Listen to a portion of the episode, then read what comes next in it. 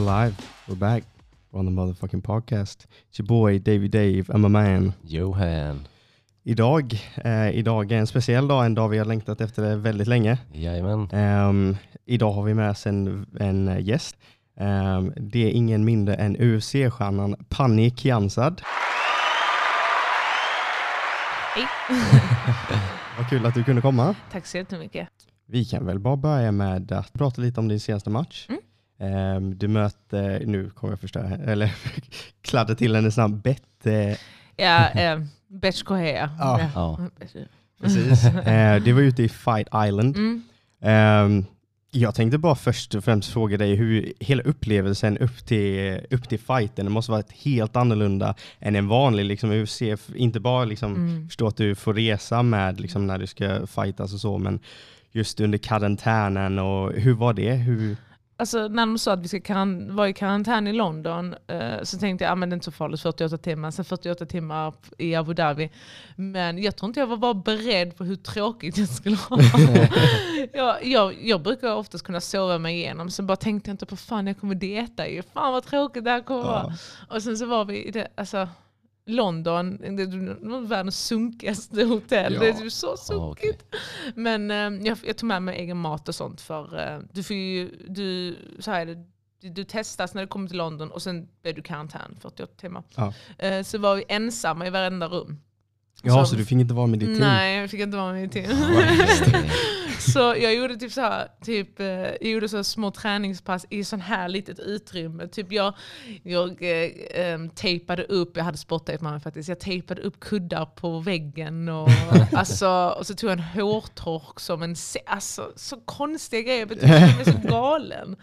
Eh, typ verkligen, jag tappade typ vettet efter ett tag. Um, men sen så var jag tvungen att ställa om också, att jag gick och la mig två, på två tre på natten. Okej, För att, ehm, jag gick ju match två på natten ju, jaha okej. i Abu Dhabi typ, och det blev typ 12 svensk tid. Okej. Så jag fick börja ställa om där till natt. Och sen så, jag är ingen nattmänniska om jag Nej. inte typ måste jobba. För jag har, jag har jobbat mycket i natten eh, innan jag började heltidsträna. Precis. Men då ställer jag ju om. Liksom. Men eh, jag tycker inte om det, jag tycker inte det är trevligt. Nej. Jag gillar att vara uppe på morgnarna. Och du vet, så. Men ja, så efter de 48 timmarna så eh, direkt fick vi åka till, eh, om vi var negativa då, Ja. vi åka till eh, på flyget. Då. Det flyget var nog det bästa jag varit med om. Första gången i mitt liv jag fick sitta typ så jävla fint i, i business class. Eh, alla fighters fick göra det. Ja, jag tror jag såg lite på Instagram, det var hur Alltså, fint som helst. Ja, ja, alltså flyget var typ det bästa och alla var helt bara så här riktiga luffare. Vi bara tänkte fy fan vad kul. som, precis- som vi vore grottmänniskor. Har aldrig varit ute för. Ehm, så det var skittrevligt. Ja. Ehm, och sen så direkt när vi hoppade av planet där och in i den här värmen, då hoppade av bussen och det var folk som folk som redan var på Fight Island, alla svenska domarna som kollade så hej till oss. Och så. Ja. Men från det direkt till test in i rummet igen. Fast det Okej. här rummet var lite finare. Det var Ja. typ som en Mm. stor lägenhet och då fick vi vara med en person. Så jag fick vara med min huvudcoach. Precis. För att min andra coach han snarkar så in i helvete så han, den andra coachen kan absolut inte alltså, dela med honom. Det går inte. Nej. Typ. Alltså, Micke då, tyvärr, han snarkar. Han, han har ju problem med näsan, det är otroliga problem. Så liksom, han snarkar ofantligt. Så min sambo eh, Ilas. Ja, Ja. Han, tar, han tar smällen och han sover mycket då. För illa se, jag vet inte, han är en, han har en sån här, han klarar det alltså. Ja, precis. Eh, nej, nej, så jag delar rum med Nikolaj då. Eh, och det var lite behagligare för då är man med någon och man tränar ute i balkongen lite, det är stort Ja. och det är fint och fina sängar, skönt. Var det varmt där? Ja, 49 som värst var Oj. det då. Ja. Ja. Men det är mycket AC, så hotellet är ju som en stor bil, alltså det, du, du går aldrig ut ju Nej. jag vill inte vara ute, liksom. det är för varmt för mig. Och speciellt också om du kuttar vikt och du ska fighta så ska du inte vara så mycket i värmen, Nej. du blir skittrött. Ja. Sen när vi kom ut där ute, det kändes som att wow, skönt att vara ute liksom. Men så kom jag på, fan vi kan ju inte gå någonstans. Nej. vi kunde åka till stranden som mest. Eh, Så du hade det, typ en liten bubbla då eller? Ja, det är ju bara en um, ungefär två, tre, två kilometer Ja. är ön ungefär. Så du får ju bara flytta dig till stranden och sen tillbaka. Alltså resten är ju omringat av militär ju. Det är, Jaha. ja, ja, så du får inte röra dig. Det är typ som en zon där alla är mm, corona-negativa. liksom. Ja. Precis. Men det, det var inte hela ön utan det var bara en del av ön. Alltså, jag vet inte, jag tror det där var den lilla ön. Okej. Alltså. Jag vet Ja. inte, men, men stranden var där vi kunde åka och det var där det var den här buren då, mitt på stranden. Och så. Ja. Och sen så låg själva arenan som egentligen var bara en bubbla. Det var ju ingen arena, det var ju utomhus. Bara att Jaha. de hade lagt en stor bubbla runt om precis nära stranden. Jaha. Ja, Ja, så det var, ja, det var väldigt underligt. Det var det. Men annars så blev jag faktiskt väldigt förvånad hur bra de skötte allting. Jag var inte, kände mig inte alls under någon stress eller du vet att det var någon annorlunda grej förutom att det var inte lika mycket media. Eh, och eh, oftast, eller alltid efter man har fightats får man gå in i något som kallas the green room. Okej. Och det är typ en stor, det är typ som ett rum där det finns kockar och mat och man sitter och kollar på matcherna. Resten, för typ, om man har kollat, om man har fightats färdigt så går man in där. Okej. Och så, så är man där med sin motståndare och man kollar matcher. Och så, om, man, om man så. ska till sjuk, om Ja. man ska till sjuk. Ja. Men det, det fanns inte. Inte någon signering, ingenting. Det var, det var bara så tomt. Men eh, det flöt jättepå bra. Ja. Snyggt. Bra. Hur varmt var det i den här bubblan när du väl slogs? Ingenting. Alltså det var, det var absolut ingen skillnad från vanlig aren- arena. De hade bara gjort om det. Ja. Så att det var precis som man var inomhus någonstans. Ja, ja. Eh, Okej. Väldigt imponerad på hur de skötte det. här, Så. Ja. ja. För sen så, jag vet inte om ni såg den senaste, typ när när de värmde upp så var det typ som bås. ja, precis. Ja det var exakt sådana bås. Man gick in eh, i den här bubblan då och sen fanns det olika bås. Ja. Och sen så fick man gå in två fighters. Eh, Jag började med, jag värmde upp bredvid han där Natalian Wood Ja, från precis. England då. Så när han värmde upp ena så jag värmde på andra. Så fort du är liksom färdig uppvärmd och ska in, då tar du alla dina grejer med dig. Jaha. Och så går du direkt eh, till, ar- till ehm, eh, buren då. Och om det skulle vara så att du behöver åka till sjukhuset så får du inte åka tillbaka till hotellet. Utan om du måste vara på sjukhuset och stanna kvar där, alltså om du är riktigt skadad, Ja. så åker du, då får du vänta där den över dygnet för att åka tillbaka till flygplatsen sen. Så du får inte komma tillbaka till hotellet. Jaha. Alltså det var så underligt så, alltså, men jag behövde ingenting. Uh, tyvärr så min motståndare fick åka till sjukhuset, hon Ja. fick stanna där tills hon fick åka till eh, flygplatsen igen. Um, de bara fixade upp, eh, jag vet inte, var mitt öga eller något sånt. Ja. Ja. Så efter det så, om arenan är ungefär så här, typ som bubbla. Mm. Och sen så direkt när man har fightat så går man ut och sen åker man en liten golfbil runt till olika stationer där man lämnar intervjuer. Jaha. Ja, alltså det var Okej. jätteunderligt. Olika stationer, bam, bam, bam, och sen tillbaka direkt till bussen, körde direkt till hotellet som är typ två minuter därifrån. Och så kollade vi på matcherna, resten av matcherna. På Ja. hotellet. Så när jag kom till hotellet och skulle upp då, helt så, äh, och så var Alex på väg till bussen och skulle åka till arenan. Jaha. Mm. Ja, ja, så alla fick inte åka dit samtidigt, bara de första matcherna. Så. Ja, okej, Ja. så det var bara några stycken där liksom. Och hur länge innan fighten var ni där ute? Hur länge innan var det ni åkte? Alltså jag tror sammanlagt jag var i are- arenan en och en halv timme. Det var allt jag Mm. var i arenan. Ja. Ja. Hur, hur lång tid brukar du vara i arenan annars? Då är det från... Ehm, alltså då brukar jag vara där kanske, ja, en, ja, kanske lite längre. Det är, alltså jag är faktiskt inte i arenan så länge. Alltså det är mest efteråt. Ja. Att man sitter där inne och man käkar och man mår, mår bra och sånt. Då, då sitter man och tittar på matcherna med de andra. Men nu var det verkligen så att du har fightats, du är klar, nu åker du hem. Ja, Jag nu bara, åker du hem, "Okej, liksom." Skitkul. Och hur, eh, hur länge innan fighten var det som du åkte, liksom när du åkte ifrån Sverige, hur länge? 14 dagar, 14 dagar. Mm. Och vad brukar det vara annars på en, en vanlig fight week? Eller fight? Liksom. 5-6 dagar. Fem, sex dagar? Ja. ja. Ja, så 14 dagar med det med att åka till London, sitta i karantän, sitta där i karantän. Det var skönt att vara borta en, dag, en bra bit innan. Ja. Men var det konstigt att ha, för jag tänker så här, alltså såklart man är ju fokuserad innan en fight, men just att ha det här alltså helhetsfokus just i två veckor där det liksom, ja men nu har jag redan, för när man är hemma så är man hemma lite Mm, om du mhm. förstår hur jag menar. Men när du har liksom satt foten på planet och åkt iväg, då är det liksom, ja men nu är jag här för att fightas liksom. Jag tycker det var ballt bara så shit vi ska till Thailand och alla trodde det inte skulle hända. Ja, vad fan det är klart det ska hända. Alla bara, och alla bara nej men vi har varit i Abu Dhabi men de har ju inte varit på ön liksom. Nej. på Yas Island, det var, det var jävligt kul.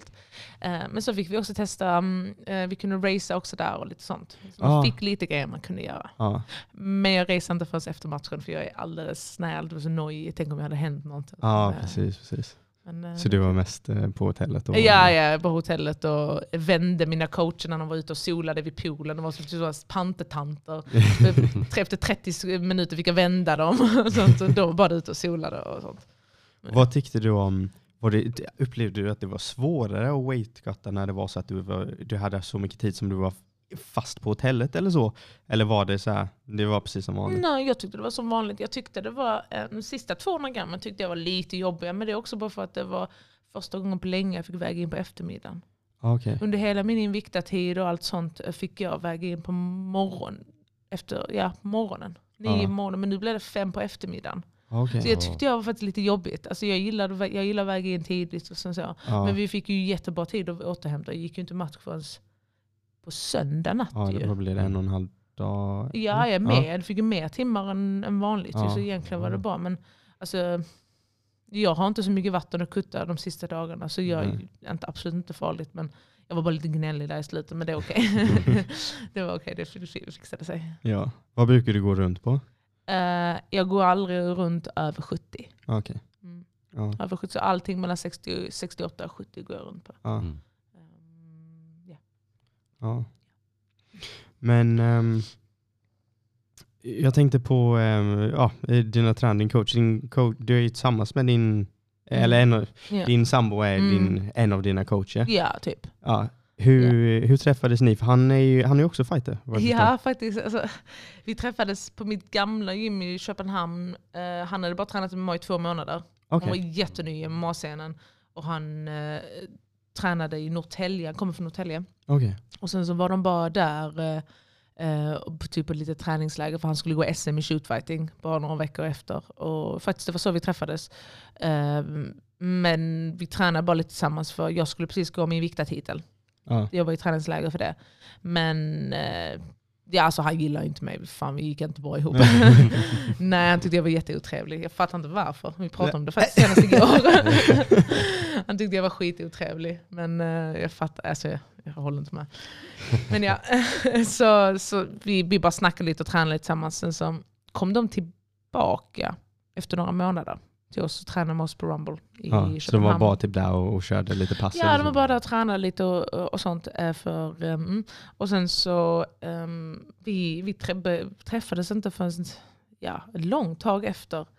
För efter jag gick in vikta eh, matchen där så stack jag till Thailand ett tag. Jag vet inte vad fan jag gjorde då. Jag var jättevirrig på den tiden.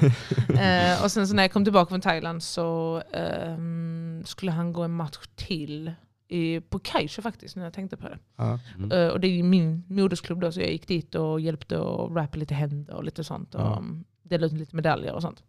Men sen så har vi hållit, på, hållit ihop ända sedan dess, ända sedan 2016 tror jag. Maj. 2016 maj, fan jag är så jävla virrig. Ja men typ där. Och sen så, saken var jag, um, jag bodde typ i Malmö men så hittade jag inga bra lägenheter så flyttade jag hem till Helsingborg igen. Bodde hos min pappa. Ja, och sen så helt plötsligt då fick jag ett bra erbjudande att köpa en lägenhet. Ehm, och då heltidsjobbade jag på ett ställe faktiskt. ehm, på en skola här i Malmö. Så jag köpte den lägenheten och sen flyttade vi bara ihop tillsammans. Och så har jag bott där sedan dess. Ja. Ehm, och för ungefär två, två och ett halvt år sedan så gick jag över helt till heltidsträning. Okej, precis. Annars har jag jobbat full tid och tränat full tid sedan jag var 18. Så. Okej. Men hur var den omväxlingen från att Alltså för jag, jag tänker många som Mm. lyssnar på detta också, det är lite dröm att ha, alltså vara professionell Mm. fighter liksom och verkligen kunna göra det på heltid och, och slippa ha något vid sidan om. Men hur var den omställningen för dig att gå från att, att jobba, ha ett vanligt jobb till att bara, ah, men nu är jag liksom fighter. Eh, faktiskt, jag trodde det skulle vara jätteenkelt. Jag bara tänkte wow, heltid, behöver inte, behöver inte jobba i vården, behöver inte jobba som elevstödjare, behöver inte jobba som ordningsvakt. Ah, jag hade tre jobb på ett tag. Mm. Alltså, alltså ibland, jag tror något år så jobbade jag på tre olika jobb samtidigt som jag är heltidstränare. Alltså, fråga mig inte hur det gick ihop, det gick inte ihop. Alltså, det var typ jättekonstigt. eh, För jag levde ju själv för det mesta av tiden. Så, och sen så, eh, du vet, jag ville träna i Köpenhamn också. Och du vet, eh, så när jag fick trä- eh, chans att träna heltid så jag kan fortfarande inte. Jag jobbar ibland lite bara för att jag känner mig så himla rastlös. Det är jättekonstigt. Um, uh, det, det, jag trodde det skulle vara enkelt, att wow, nu har jag så mycket tid. Men sen så um, tränar jag på morgonen. Jag tränar alltid två pass om dagen. Jag har gjort det ända sedan jag, jag var yngre. Um, Och sen så egentligen är jag lite fel, jag måste återhämta mig och det gör jag mest av tiden. Men ibland kan jag bara få så här ryck och bara, nej jag måste jobba. Så skriver jag upp mig på jobb, nattjobb. Alltså bara för att jag blir så himla rastlös. Och tänker typ, ja men tänk om jag blir skadad och inte kan gå match. Ah, vad ska jag göra? Alltså, du vet, så här, jag, är sån, jag tänker hela tiden typ sju steg framåt. Ja. Men jag tror inte jag kan sluta jobba lite. Alltså jag jobbar kanske fyra pass i månaden, jättelite ändå ju. Men ibland går jag in, till exempel coronatiden gick jag in för att hjälpa till för att eh, jag jobbar i något som kallas Nattpatrullen i Malmö. Och det är hemtjänst på nätterna Okej. för akutfall och lite sånt. Ja. Ehm, och just den perioden när min match blev framflyttad så gick jag in och jobbade bara för att jag kände att alltså, lite skyldighet och att jag gör faktiskt ingenting just nu. ja, precis. Ehm, och ibland bara gå in bara om de behöver hjälp. Ja. Så det är ingenting att jag känner att jag måste ekonomiskt sett, eh, eh, för om jag fightas alla mina matcher så kan jag klara mig Ja. relativt bra. Eh, men jag gör det mest bara för att jag vill känna mig faktiskt jordnära. Och jag tror det är någonting som kan fucka upp ens huvud när du väl slutar träna och ska börja normalt liv och jobba. Att folk vet inte hur man gör. Nej. Och jag vill gärna hålla mig rätt jordnära för man vet aldrig vad som händer. Du vet aldrig om till exempel, tänk om jag inte får matchen ut på ett tag. Ja. Ja. Och lite sånt. Ehm, så ja, jag, jag tror jag aldrig kommer sluta jobba. Jag tror alltid jag kommer göra någonting litet. Ja. Men ingenting fast utan jag kommer bara gå in och bara känna, ah, fan, jag, jag vill jobba i natt till exempel. ja. Det måste vara lite skönt ändå att kunna, även om du hoppar in lite då och då, Mm. att du, du känner att du gör det på eget bevåg. Liksom. Du, får, Ja. du väljer själv. Liksom. Men det ger mig också en liten paus för MMA, för du vet, tränar man heltid så är det, det är MMA, det är MMA, MMA. Och du ska bara tänka MMA. Och det är bara eh, det är väldigt mycket MMA Ja. och mycket träning. Eh, så det är skönt ibland att bara ta en liten paus om det bara är Precis. för några timmar. Ja. Och kliva ut ur, ur världen Mm. lite. Ja. Men känner du att du har utvecklats mer som fighter sen du slutade jobba på heltid? Och så, Ja. så vidare. Så att du kan lägga fullt fokus på fightingen. Ja definitivt. För någonting jag hade problem med när jag jobbade heltid var att jag kom till jobbet och jag var så jävla ofokuserad.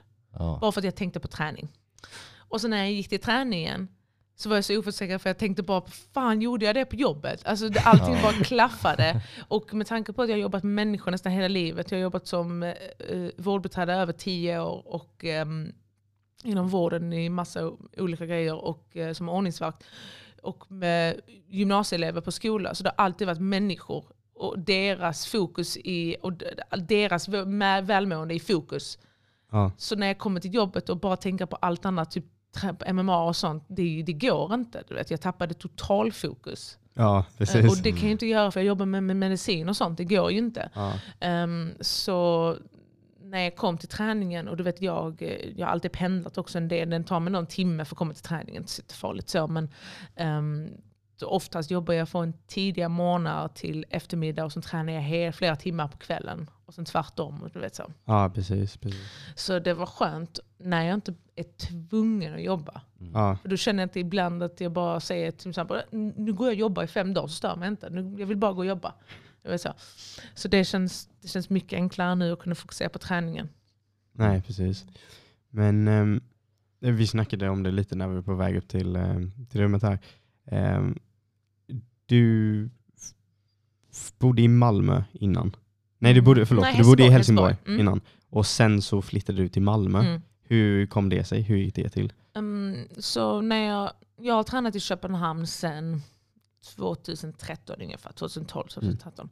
Och eh, när jag bodde i Helsingborg, det var relativt, det var innan de här kontrollgrejerna kom. Du Ja. vet, men med tanke på den här flyktingkrisen vi fick och sånt. Mm. Så jag, hade relativt enkelt att åka till Danmark. Det tog mig bara 20 minuter med båten från Helsingborg. För jag gick direkt till Danmark. Och sen vidare därifrån. Men sen när den här kontrollen kom så tog det extra lång tid. Mm. Och ehm, Sen fick jag jobb i Malmö, så tänkte jag att det kanske är bäst att att flytta till Malmö. Så gjorde jag det ett tag. ehm, och det gick bra, jag bodde där och sånt. ehm, och det var därför jag inte flyttade till Malmö, för jag hade både jobb och träning när, nära till hands. Eh, men sen så ehm, minns jag att eh, helt efter, um, efter jag gick min viktartiteln då och kom tillbaka, eller nej, ja precis. Och sen så bestämde jag mig att jag skulle åka, åka till, åka till Thailand. Helt random. Ja. jag fattar inte varför. Så jag, jag typ packade ihop alla mina saker, ringde den här snubben jag hyrde lägenhet av och bara typ, nej men jag vill inte ha lägenhet mer. Så, så jävla virrig. Så jävla typiskt 25 alltså. Eller 24. Eh, så jag bara stack till Thailand en månad, så kom jag hem. Sen bara, fan just det, jag har ingenstans att bo. För jag åker till Helsingborg. så jag bodde i min pappas gamla eller hus, alltså mitt, em, där jag växte upp. Ja. Mm. Bekväm så in i helvete. Eh, jag gillar att vara med mina föräldrar, liksom. jag gillar att bo hemma. Eh, där jag växte upp också. Så sen typ efter, några, efter ett år, typ så månader, så blev min pappa så här, typ, fan ska du inte flytta ut snart? så han hittade en typ lägenhet jag skulle köpa. Han bara med tanke på att du har fortfarande heltidsjobb så kan du väl lika gärna köpa den. Och sen så ja, får du se vad som händer. Om du vill vara klar kvar i Malmö då. Ja. Så det är egentligen därför jag är i Malmö. Men sen så eh, jag har det alltid varit nära till Köpenhamn och det är nog nära mina föräldrar i Helsingborg. Och, ehm, ja, jag tycker det, det, det är skönt att vara i Malmö. Det är verkligen hem just nu. ja. Mm. Men vad är det som, varför just Köpenhamn för träningen? Eh, så när jag, Eller Danmark Mm. överlag tänker jag. så när jag började med MMA, det var det 2010, eh, då, så, då kom jag till Kaisho då Mm. och jag började med submission wrestling och bara MMA. Utan jag, la, jag är gammal boxare så jag la det på hyllan lite. Ja. Mm. Och bara gick in bara för att rulla och brottas och lite sånt. Ehm, och sen 2012 gjorde jag min proffsdebut. Men vi var inte många, det var jag och Mats Nilsson. Just då vid den tiden. En gammal UFC-fighter också från Helsingborg. Eh, som körde. Och då, vi hade inte riktigt någon tränare. Jag vet vi hade ehm, Martin Lindström som kom in och eh, hjälpte oss lite då och då. Men det var inte fast tränare. Så vi hade typ lite bara varandra. Och han hade inte någon tränare, jag hade inte någon. Så hittade vi en kontakt i Köpenhamn då med tanke på att det var så nära. För det var antingen det, eller så hade jag faktiskt funderingar på att träna i Göteborg. Okej.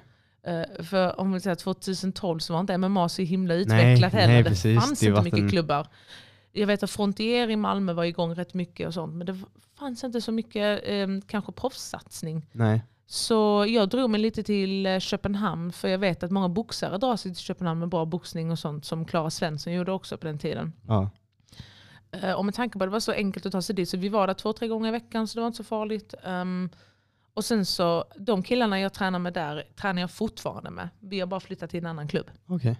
Så jag har tränat med samma killar i typ åtta år. Och jag, även fast MMA växte och du vet, det finns jättemycket MMA-klubbar i Malmö och nu har det verkligen öppnat upp sig. Så jag känner inte jag känner inte att det bara för att det har öppnat sig fel klubbar att jag måste byta klubb för att det ska vara närmare för mig. Utan jag vill gärna vara kvar med de människorna jag har tränat med. Ja. Viktigare med Eh, ja. ett bra team liksom. Ja men precis, och du vet bara för att man har förlorat någon match så betyder det inte att du vet, gränet, gräset är inte alltid grönare på andra sidan. Nej. Man ska inte alltid byta efter varje förlust, det funkar inte så. Nej. Jag var väldigt be, eh, jag gillar att köra med mina kompisar där och om jag ska vara helt ärlig, tränarna har inte något med saken att göra. Nej. Utan eh, jag, jag gick där mina träningskompisar gick. Så Ja. när vi bytte klubb i Danmark, ehm, jag bytte bara för att jag ville fortsätta, fortsätta träna med dem jag har tränat med. Så vi höll ihop. Ja. Så vi är i Artesuave nu i eh, Nörbro i Köpenhamn. Eh, och det är ju eh, från, från, från början en BI-klubb. Det är en Okej. jättestor BI-klubb i Europa. Vi har folk från hela världen som kommer in. Och, men nu har vi MMA växt jättemycket. Så det är därför jag är i Köpenhamn också för att ja, alltså jag tycker det är viktigare att åka någonstans man är bekväm och få bra träning än någonstans som är jättenära för att du eventuellt inte pallar åka. Ja. Du vet så, visst det kostar lite och sånt men det är faktiskt någonting nu på senaste tiden jag har äntligen fått sponsring för. Ja. Att jag har någon som täcker upp mina Resekostnader. utgifter. Ja, och det har aldrig varit så innan. Ehm, och eh, sen pendlar jag också när jag är hemma och tränar på Malmö Muay Thai. Och det ligger faktiskt bara ett stenkast ifrån mig. Ja. Så det är skönt att jag, kan, jag kör mitt stående där och så kör jag min MMA och min grappling där ute på Artesuave. Vad skulle du säga att du är mest? Eller är det liksom en jämn fördelning mellan Jag är de två klubbarna? lite mer i Köpenhamn med tanke på att jag har hela min MMA-träning där. Mm. Men jag kör ju med Micke Cederhoff här på Malmö Thai och hela Malmö Thai-teamet då ibland. Ehm, Så kanske två gånger i veckan, alltså mycket månader i Malmö och kvällar i Köpenhamn. Ja. Ja. Det har aldrig varit någon tanke att flytta till Köpenhamn då? Med tanke på att du har så mycket träning. Faktiskt, jag har bott i Köpenhamn ett kort tag. Okej.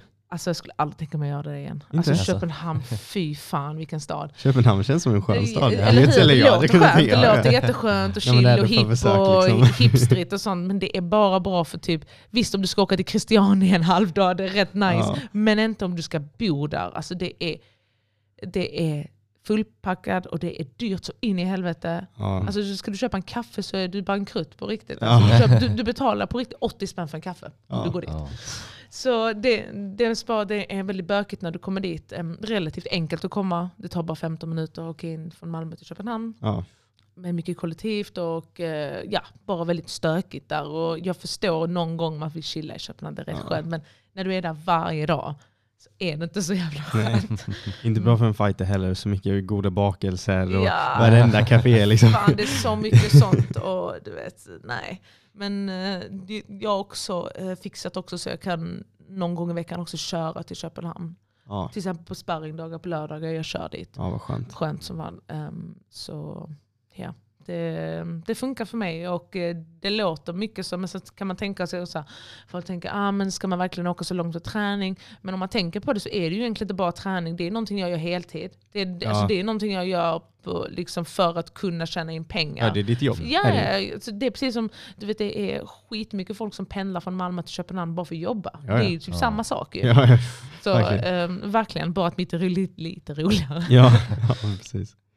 Men jag tänkte på det du sa, just med tanke på att eh, MMA har växt så mycket i Sverige. Var det svårt att få match i början av karriären? Jag tänker så här, eh, särskilt på damsidan också, att det var säkert Mm. ännu mindre på den fronten. Liksom. Alltså det var ju också en stor anledning varför jag gick proffs relativt tidigt. Jag hade bara tränat egentligen i två år. Det är Ah, inte okej. Det var mycket. så pass? Ja, ja, jag började 2010. Sen gör det ju mycket att man har en annan bakgrund kommer in. Du vet att, du vet, ehm, jag kom ju nog från en stående bakgrund. Det var relativt enkelt att komma in i det. Eh, och sen så, så skulle jag lära mig grapplas och sånt som gick relativt snabbt tyckte jag. Ehm, men vi, ehm, vi försökte få mig mer amatörmatcher. Jag gick rätt mycket, fem shootfighting-matcher gick jag som mest. Mm. Det fanns inget annat. Nej. Alltså det fanns ingenting.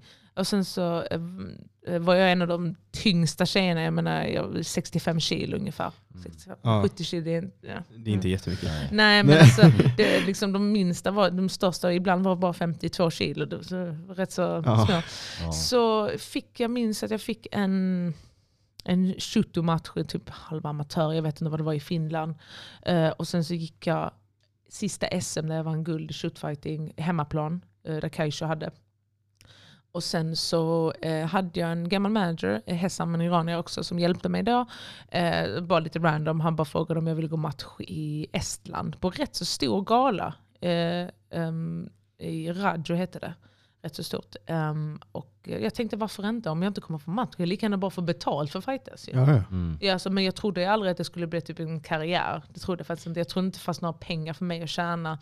För att MMA, alltså, för tjejer fanns ju inte ens, vi var ju inte som i UFC då ju. Nej. Nej, just det. Nej, det är ju ändå det. Det är ju bara för några år sedan. Alltså, Ja, typ. 2013 Ja. var Ja. första. Det är inte alls länge sedan. Nej absolut inte. Så det var, det, var, det var bara så här, för mig var det bara rätt så, ja ja men jag gör det här lite om jag får kanske några hu- hundringar för det. Jag fick typ så 300 euro för min första match. Ja. Mm. Så som relativt okej tyckte jag. Ja. Ehm, ja, när det är första gången man får betalt för det så. Ja, jag bara tänkte det. varför Ja. inte. Ehm, och sen bara gick det några matcher och jag, jag fattade inte att liksom, ah, men jag kan okej, göra någonting av detta ändå. Men det slog inte mig förrän lite senare. Mm. Men din, ehm, du hade ju bakgrund i boxning. Hur var det du kom in på alltså kampsport överlag? Hur var det du, hur började, började du med boxning? Mm, ja, jag började med amatörboxning i Helsingborg. Ehm, men alltså, jag gick ändå en 20 någonting matcher. Men Ja. eh, jag hade typ ett eh, eh, 50-50, en timme värre matchfacit. Alltså jag, jag, började, jag gick min första diplommatch, jag var typ så 13-14 bast. Ja. Ehm, och sen så gick jag, jag gick nog en seniormatch när jag var 18 men sen så slutade jag. Ehm, jag, gick, alltså, jag höll på nog rätt länge, jag höll på fem år då, ehm, och jag- så la jag hela min ungdom på det. Så typ jag, jag började väl träna för att ehm, jag ville väl komma lite i form och sånt. Jag simmat när jag var liten flera år. Ja. eh, och sånt. Men jag kände bara att en individuell sport passade mig bra. För att eh, alltså, typ jag hade inte ens godkänt i idrott i början av åren. Nej, så jag var ju jättekass. Inte bara att jag var kass, utan jag kände bara så att jag har typ jättesvårt att samarbeta. Alltså, jag gillar absolut inte att spela lagsport, inte fotboll eller något sånt. Eh, och konstigt nog, jag kommer typ från en familj där min pappa spelar typ fotboll och handboll på hög nivå. Eh, men jag, det var ingenting som var för mig. Så när jag började boxas så eh, det var perfekt. För du vet vem fan gillar att gå i skolan. Det var bara, det var bara en liten flykt också för mig. Ja. Mm. Eh, och sen, eh, minns jag bara, alltså det var så jävla bökigt för att jag började med MMA bara lite så här, för jag träffade Mats Nilsson, så var det. Ja. Träffade Mats Nilsson eh, där vi boxades, för de skulle ha någon shootfighting-gala i den arenan, alltså där jag tränade. ja, precis. Och, och jag var lite så nyfiken, och vad är det? Och För jag, MMA, jag trodde inte ens det var en sport ens. Alltså, Nej. förstår, jag trodde Mm. bara att det var verkligen så en laglig streetfight. Det var typ, Ja. Ja, alltså, och du vet, kommer man från lite mer traditionell sport så tänker man så nej det är inte sådär. Men, mm. så eh, vi pratade lite om att jag kom över till Kaishu och så jag gick alltid till grapplingpassen efter min boxningspass på kvällarna. ja, precis. Men sen efter ett tag kände jag bara så fan jag vill nog hålla på med detta. Men jag var nog rätt färdig med att tävla. Jag hade rätt tävlat rätt mycket och jag kände rätt, kanske jag tror jag slutade boxas för att jag kände att jag inte riktigt hade det i mig. Jag, var inte riktigt, jag tänkte fan jag är inte mentalt bra för detta. Nej. För det går inte bra för jag låser mig varenda jävla turnering. Och jag, är så jävla, jag, jag tror jag fick pris fem år i rad för att eh, ha mest, tränat mest om åren. Från, på, på boxningsklubben. Jag fick medalj och medalj för att ha tränat mmest och varit på träningen mest. Men jag kunde aldrig få ut det i matcher. Ja. Jag tänkte fan, men vissa är bara kassa på match. Men så är det bara. Alltså, det är så. Jag tänkte jag skiter i det. Och sen så um, började då grapplas och sånt. Och jag sa så här, jag vill, alltså, vi vill inte tävla någonting. Men de, jag tror de på MMA tyckte det var rätt coolt att man kom in och har kunnat boxas lite. Att de kanske trodde att man skulle börja med det. Men jag sa jag sa bara till nej, jag, jag vill inte tävla. Jag vill bara vet, ha roligt och sånt. Och, och sen så var jag typ månad senare så var jag med i en grapplingturnering på klubben. Alltså det, var, det gick bara på automatik. Ja. Och då mötte jag Sofia Nordene i min första match. eh, Då, men det var jättekul, vi, vi är vänner nu. Ehm, så, uh, så jag började grapplas då, och så, och då tänkte jag bara så fan det här är ju nog roligt för även om du har förlorat en match så är det bara skitsamma så tar du bara nästa direkt Ja. efter. Du vet. Mm. Så det var inte samma sak som boxning, du vet så här att du, du går in, kör en turnering, du förlorar en match, upp, borta helt. Ja. Utan du får hela tiden köra fler matcher och matcher på gång. Så det skulle vara kul. Mm. Och sen minns jag 2011 så vann jag faktiskt silver på mitt första SM i Summit Wrestling. Så um, jag började grapplas faktiskt, be, faktiskt bra rätt snabbt. Ja. Jag gjorde jättemycket SV-tävlingar, BI-tävlingar, uh, tävlar fortfarande i BI och SV. Ja, det gör det vid sidan om liksom. Ja, så bara jag inte är i camp så får jag lov att göra det och visa. Mm. Senaste turneringen jag var med på var förra året på, innan jag blev signad igen, på Da- på Danish Open i Köpenhamn. Ja, Mm. precis. Ehm, men eh, under den tiden jag trän- tävlade SV och sånt och väntade typ på amatörmatch i MMA så faktiskt gjorde jag K1-debut och thai-debut och allt Jaha. sånt. Så jag gick ändå några K1-matcher ehm, och vann några stora turneringar. Ehm, och eh, ja, höll mig uh, upptagen. Liksom. Jag tror jag tävlade var och varannan helg hela tiden i någonting. Och då började jag tycka det är kul att tävla igen och, fatt- och då började jag tänka så här, shit jag är ju inte så jävla dålig. Nej, nej precis. jag hade bara fel sport. Ja. Eh, så började jag liksom fatta att fan, jag är nog rätt okej på detta, rätt grym. Och det tyckte jag var kul ändå.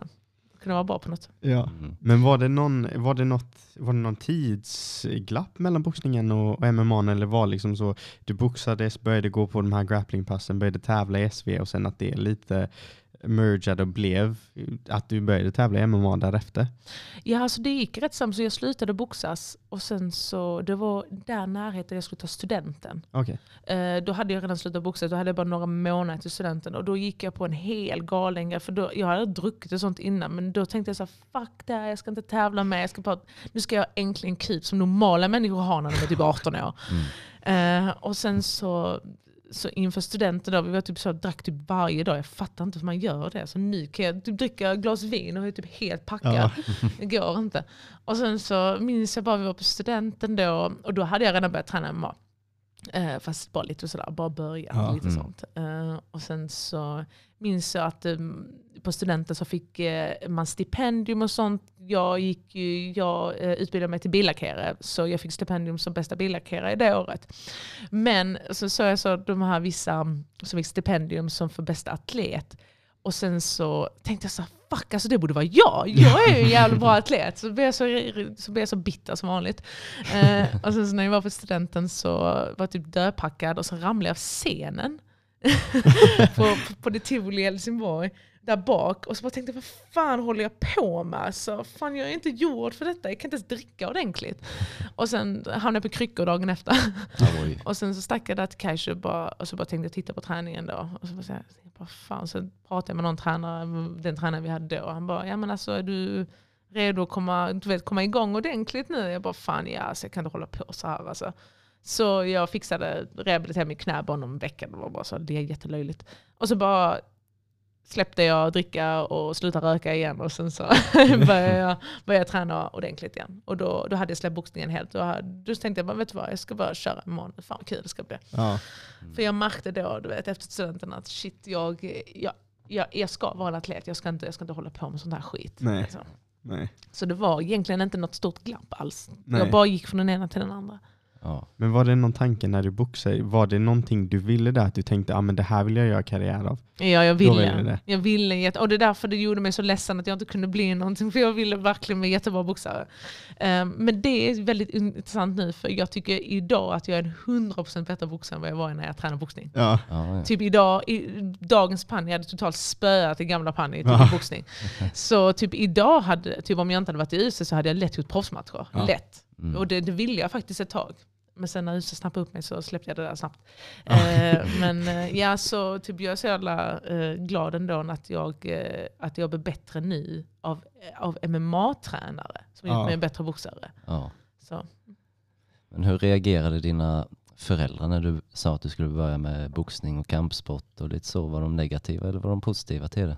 Eh, sisådär. Jag minns jag var precis på balkongen när jag ringde min pappa, jag var 13 bast och sa att jag skulle gå och köra boxningspass. Och han bara, är du säker? Och sånt. Jag bara, ja, fan det ska bli skitkul. Eh, min mamma hon förbannade sig själv den dagen, från, från idag till nu. Ja. hon, hon, hon är lite mer så här att, eh, du vet, för skador. Och det, det fattar jag. Shit, det fattar jag. För att eh, jag minns att ehm, när hon såg mig eh, eh, live första gången, åh jag såg illa där till ut alltså. Det var jag, alltså så hemskt ut. Men eh, det, är- nog det hon stör sig på, med, alltså det här med tävlandet. Att det ska alltid vara att antingen är det ros eller så är det helvetes dåligt. Ja. Alltså, så Mm. mår du jättedåligt för du har fått jättemycket stryk. Så jag förstår henne sådär. Men min pappa är jättepeppad på det. Alltså, han har alltid stöttat mig 100%. Men de har aldrig liksom försökt att stoppa dig? Alltså så? Ja, alltså min mamma har ju sagt sluta. Alltså, vet jag, vet inte vad mer så här. Typ, min mamma har sagt sluta. Så var, alltså, om jag har förlorat någon gång Typ så här, så har hon bara så nej sluta nu räcker det, du var försiktig. Och du vet, så, här, ja. Min pappa har mest varit så här, tvärtom pepp, han bara sa typ, ehm, för, för det, var, det var ett tag att jag kände på att, eh, att jag skulle sluta, första gången kände jag att eh, jag skulle lägga allting på hyllan, det var när jag var jätteskadad efter- efter min Invicta Ja. eh, eh, bältesmatch. Fan, jag var så jävla skadad i ryggen och jag var nog sängliggandes alltså ett tag. Um, och sånt. Men sen så kom vi tillbaka, faktiskt Ila som hjälpte mig med det, för att komma tillbaka där. Uh, eh, och sen så efter Tuff då, när jag var, var i realityserien. då, så var jag ju jävligt peppad på att nej nu fan räcker det liksom. Jag var bara så jävla bitter. Jag bara nu har jag fan spenderat hela mitt liv på detta, fuck detta. Du vet, så. och, och min pappa var bara så nej fan det ska inte ge upp så enkelt. Nej. Får försöka 15 år till. Nej, men eh, så han har alltid varit väldigt stöttande och så har min styvmamma också. Mm. Men sätter man sig i deras skor så kan man ju förstå att de inte riktigt förstår hur vi kan tycka det är roligt, vi som utövar det. Ja, men kolla hur löj, alltså det låter ju hemskt ju. Ja. Verkligen. Tänk på det, liksom, du går in och liksom, ni, ni slåss liksom, och det är på golvet. Alltså, Ja. det låter illa faktiskt, jag håller med. Ja.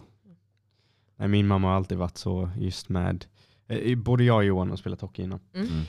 Eh, och hockey var väl typ gränsen för min mamma. Där tyckte hon bara så här, ah, men det börjar bli lite våldsamt. Alltså, jag skulle aldrig sätta på mig ett par skridskor och gå och göra det. ner. Alltså, aldrig, det var jätteläskigt ju. Men, ehm, och sen när jag sa till henne att ah, men nu ska jag börja träna så här, thaiboxning, jag ska Mm. börja träna BJ och sen ska jag börja träna lite Mm. MMA. Och det, annars är min mamma jätte så här, positiv Mhm. till allting, typ när jag spelade hockey och allt sånt. Bara, ah, men jättekul och vill alltid kolla på mina matcher och sådana saker. Nu, nu bor min mamma i England så vi Mm. har liksom kontakt över telefon och sånt. Så ibland så kan jag skicka videos på när jag sparras med typ Johan eller någonting. Och vi kör ändå rätt lugnt. I alla fall på de videos jag skickar till Mm. henne. Och då får jag de kortaste svaren bara, kul. alltså, och annars typ om, eh, om Johan går fight eller någonting så, så här, skickar jag det till henne för de har en rätt bra relation och så också. Ja. Ehm, och hon bara, annars är hon superpepp. Och då bara, ja, ja vad roligt. Ja. Jag minns när jag ska berätta för min pappa första gången jag, eh, ja, jag ska börja, börja träna med MMA och så vidare och kampsport. Dagen efter så kommer han med tre artiklar om huvudskador inom kampsport. Ska vi Mm. komma han till mig bara Johan, jag vill att du läser det här. Nej, men det är nog bra, alltså när man tänker på det, det är, det är rätt bra att de sätter sig in på det. För det finns ju liksom, eh, typ när min, min sambo idrottade, han spelade ju fotboll rätt mycket. Ja. Typ, alltså, ingen brydde sig om när han idrottade. typ, ingen kom på matcher och sånt, det är så synd. Och ingen brydde sig, ingen peppade honom. Han sa bara Ja. sluta med det, det är bara för dumskallar i idrott. Du vet, sådär, du vet. Så Ja. han slutade efter flera år. Liksom så. Men för mig var det bara tvärtom. Eh, Typ, min pappa peppade mig jättemycket för det. Ja. Mm. Tänk dig de som inte blev peppade. Liksom. Ja. Fan Mm. vad synd. Det är synd som fan. Men det känns ändå som just kampsporten när man tävlar i det att det blir en helt annan engagemang. Mm. Särskilt av, av de som känner en. Så antingen så det är nästan positivt på ett sätt även om de är jättemycket emot det. Mhm. För då är det ändå så, de har ju koll. Mm. Man märker att de bryr sig Mm. om att man tävlar oavsett om de inte tycker om det så bryr de sig. Ja det är klart. Men lite som du sa, alltså, tävlar du fotboll eller kör du fotboll eller hockey eller sådär bara. Ja, match igen denna helgen Ja, också. denna helgen. Bara så här. Alltså min mamma tar ju lugnande innan mina matcher är på. Alltså hon tar piller för att den ska lugna ner sig. Men hon var relativt lugn efter den här matchen. Hon sa till mig, hon ringde mig och sa jag har varit lugn. Liksom. För hon har ju gått helt amok liksom i, när jag gick första Superior-matchen i Helsingborg Ja. 2014. Då fick ju liksom Musse, Hasselvall, ta henne i handen och bara nu går vi och sätter oss. Hon var vid buren. Jag såg hennes händer vid buren. Hon är skvätt galen alltså. Nej, nej, så det var sista gången hon fick komma. Så eh, hon har inte varit live sen Nej. Jag sa till henne, nu räcker det. Men de kollar på dina fight annars. Ja det gör hon. Hon säger, hon, alltså, hon, hon, hon går hem till min pappa och min styvmamma och så tittar de tillsammans. Men hon sa, hon sa eh, efter detta, min mamma är sån, så hon ringer mig om hon har drömt något. Hon bara, jag har haft en mardröm, ta det lugnt idag. Du vet, hon är sån. Eh, så typ, de gångerna, fast konstigt, de gångerna jag förlorat har hon faktiskt sagt att hon har haft mardrömmar. Men hon, hon, eh, hon hörde typ av sig efter, eh, för jag, brukar säga till henne, stör mig inte på matchdag. För jag, Ja. jag, jag, vill inte, jag, jag är inte på min telefon eh, på fight weekend, så Nej. jag tar bort min telefon. Men hon, hon säger så, hon bara, jag hade en bra känsla. Jag hade en bra känsla att allting skulle gå bra. Jag bara, tack. Men hon var relativt lugn inför den här matchen, sa i alla fall min, eh, min pappa. Ja. Nej men eh, sen tänkte jag på det du sa om em, att du får gå tävlingar så Mm. i typ, eh, ja, submission wrestling och sånt utanför camp och sådär. Mm. Är det några andra begränsningar som UFC och sånt har? För jag tänker, man har ju hört om typ fotbollsspelare och sånt, kanske Mm. typ, inte får köra motorcykel och sådana saker Mm. ifall de skadar sig. Är det några andra begränsningar eller är det bara liksom Ah, Okej, då får jag gå tillbaka till mitt kontrakt. Och det står ju, det står ju typ att du inte får ja, typ innefatta dig inom en viss, viss veckor med någonting som kan eh, eh, jeopardize din camp. Ja. Liksom. Och, det, och det är fullt förståndigt. Liksom. Men typ om jag inte är i camp så brukar jag faktiskt jag brukar alltid fråga också, kan jag få ställa upp i den här turneringen? Ah, Typ, och sånt. För eh, man vet aldrig hur länge det går emellan och jag tycker det är fortfarande kul att tävla liksom, i BI och sånt. Eh, även, alltså, även fast det är liksom ehm, Eh, nu kör jag inte jättemycket GI, ibland gör jag det, men Ja. rätt mycket no-GI kör Ja. jag. Men förra året körde jag faktiskt min andra lila bältesturnering och det var kul alltså. Du vet, eh, det är kul att komma tillbaka till det och sånt. Och, ja, Mm. eh, och det är kul också när man, när man signar upp på de tävlingarna så typ eh, då får ju de som signar upp, de, de får ju den här urgen att vilja slå skit, alltså vilja, typ, de, vill, de vill ju slå en. Ja. För de tror säkert att man typ är typ, jag vet inte, jag vet, inte- jag vet inte. ja. Men typ, eh, och, och jag känner väl jag känner faktiskt oftast lite mer nervositet när jag går BI och, och SV-matcher än vad jag Ja. gör MMA. Ja men det där är det verkligen folk som vill verkligen typ rycka huvudet av dig Ja. för de tror att du är typ någon, någon stjärna med MMA-grej. Så, jag bara, ja, så det är mig ändå lite så peppad. Men em, jag vet att vi är några stycken från klubben som brukar alltid åka runt och köra mycket turneringar. så. Ja. Men det känns som att är man, man, säga, är man en vanlig människa, då kan man ju ändå så dyka upp på en, en lila bältesturnering. Liksom, och, och ser man ett namn som man känner igen och liksom, ja, men de här kör jag i UFC, liksom, Ja. då kan jag ändå tänka mig att man, just på grund av att man kan verkligen köra allt man har i, i grappling-tävlingar. Liksom, Att de liksom, så fort de ser ett namn, ja, men den, Ja. här, den här människan ska jag ta. Liksom. Ja, Men jag signar mig på SK, vad det, kallas det SKL fortfarande? Ja, någonting sånt. Uh, ja, ja, eh, på, i Rosengård brukar alltid vara. Mm. Och jag har tävlat den sedan sen 2010. Ja. Så jag var med i min eh, första på länge nu. förra året och fastän var det bara en match, men det var kul att sitta där tre timmar och vänta på en match. Ja. Man fick lite sån turneringskänsla tillbaka, det var kul. För vi kunde sitta där i flera timmar, en hel dag, bara och vänta på några matcher. Alltså. Ja. Uh, sen när det var kul, och sen, när jag började köra SV, det var ju samtidigt jag körde shootfighting. Och reglerna säger ju, har du kört shootfighting så får du inte ställa upp i nybörjartävling på Jaha. grapplingturneringar. Ja. Så, så, typ, så typ, jag hade gått typ en shootfighting, man snackade om att jag var grön liksom. Mm. Och så fick, de la mig direkt i typ lila och uppåt på SV-tävlingen. Det var inte kul alls ju. Nej. För jag var ju vitbälte egentligen. Så jag fick lära mig hårda vägen. Ja. Sen så tänkte jag på, ehm, nu när du kommer tillbaka till UFC efter tufftiden och sådär. Ehm, jag vet inte om det stämmer, men man har ju hört att en UFC-fighter får, ja, du blir erbjuden tre fighter om Mhm. året. Eller så. Hur ofta gillar du, eller hur ofta föredrar du att du skulle tävla liksom? Alltså jag vill gärna tävla, jag, jag skrev ju på fyra matchkontrakt och jag ville gå mina fyra matcher på ett år. Mm. Alltså om jag kan få gå med det är jättebra, för Ja. jag, jag gillar att tävla. Ehm, så det är därför jag är lite, alltså jag, direkt efter den här matchen nu eh, på Fight Island, så jag bara, fan, jag vill gå en match till innan året är slut. Ja. Jag vill ha moment, jag vill följa det här momentumet. Ehm, och eh, ja, alltså jag är ju alltid, jag menar under tufftiden, när man räknar med det året, alltså jag gick i sex matcher på ett år. Eller eh, sex matcher på ett halvår. Jag gick jättemycket matcher. Ja. Eh, det, var, det var jävligt mycket. Men alltså jag vill i alla fall, i alla fall gå tre, fyra matcher per år. Ja. Det vill Men definitivt. hur lång var tuff? Alltså om man kollar under tiden liksom som att du, du klev in i det tills att det var slut. Hur lång period var det? på? Så sex veckor i huset, sen en, så sammanlagt typ åtta veckor. För du åker dit och du är på ett hotell en hel vecka. Ja. Typ som karant det är typ som karantän. Ja. Ja. Mm. För, för att de ska fixa ihop huset och sånt. Så rakt av åtta veckor var jag borta. Okej. Mm. För då har du ju gått från att vara en, ja det är fortfarande, även om du är MMA-proffs så är det ändå fortfarande så här, vanlig människa. Men helt Mm. plötsligt så ställer du upp i liksom en ja, men reality-serie. Liksom. Um, ja, det, alltså det var roligt. Jag gillade tufftiden faktiskt. Eh, och ehm, eh, vi hade, hade jättebra team och sånt. Och vi snackar ju fortfarande. Ja. Eh, Så nej, ja, vi hade skitkul. Verkligen.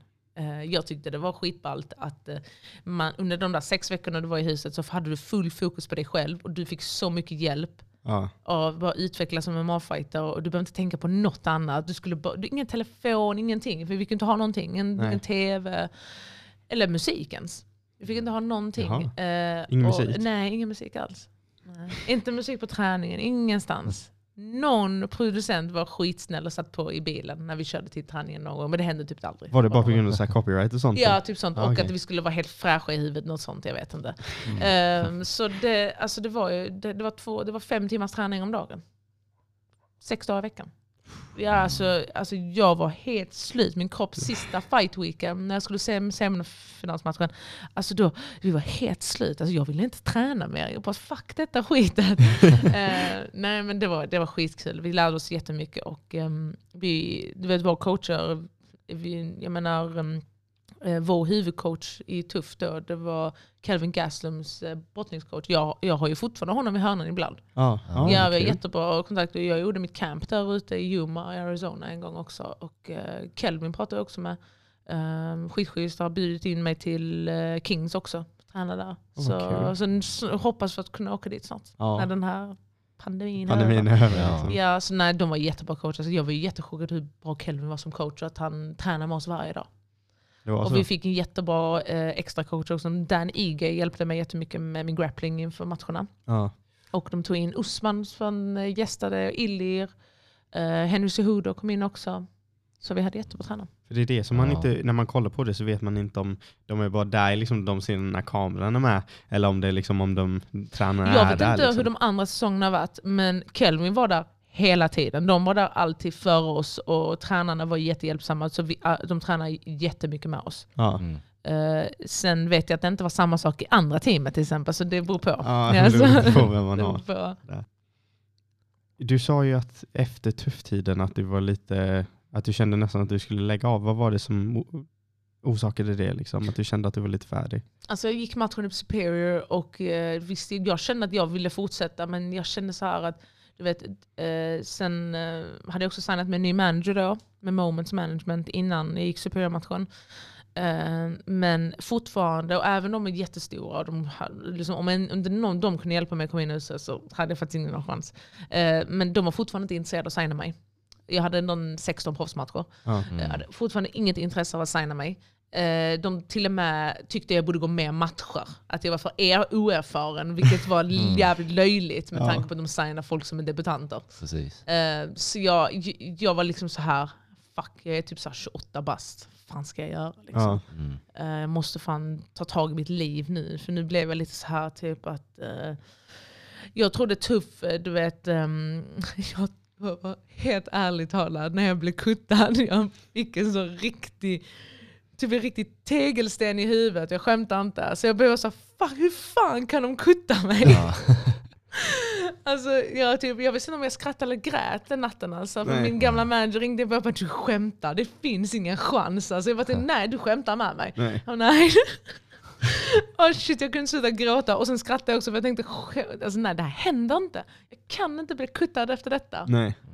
Och så tänkte jag så här, fan jag kommer inte orka att göra en run till i Invicta och i Cage Royals eller Ja. vad fan som helst. Det här kommer bli alldeles för jobbigt. För dig är det för det är en process Det liksom. är så jävla process. Och det roliga är att i Invicta fick jag så himla tuffa fighters. Ja. Jag fick möta Sarah Kaufman och Tonya Avenger i Invicta som ska vara, de säger alltså de- motståndarna är fan värre än vissa jag mött i UFC. Så jag blev så här, Ja. fan hur fan ska jag klara detta? Alltså, du vet, och sen så betalar de inte bra heller, de betalar skitdåligt. Ja. Eh, och så bara jag, shit nej jag kan, nej det här går inte. Jag ska gå superiormatcher så får vi se liksom vad som händer. Vill inte signa mig fortfarande.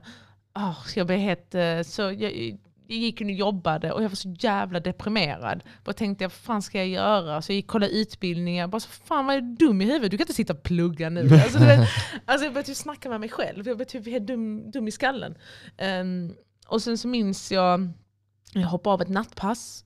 Klockan var typ halv åtta på morgonen och det här var, vad kan det vara, två månader efter CP-matchen. Mm.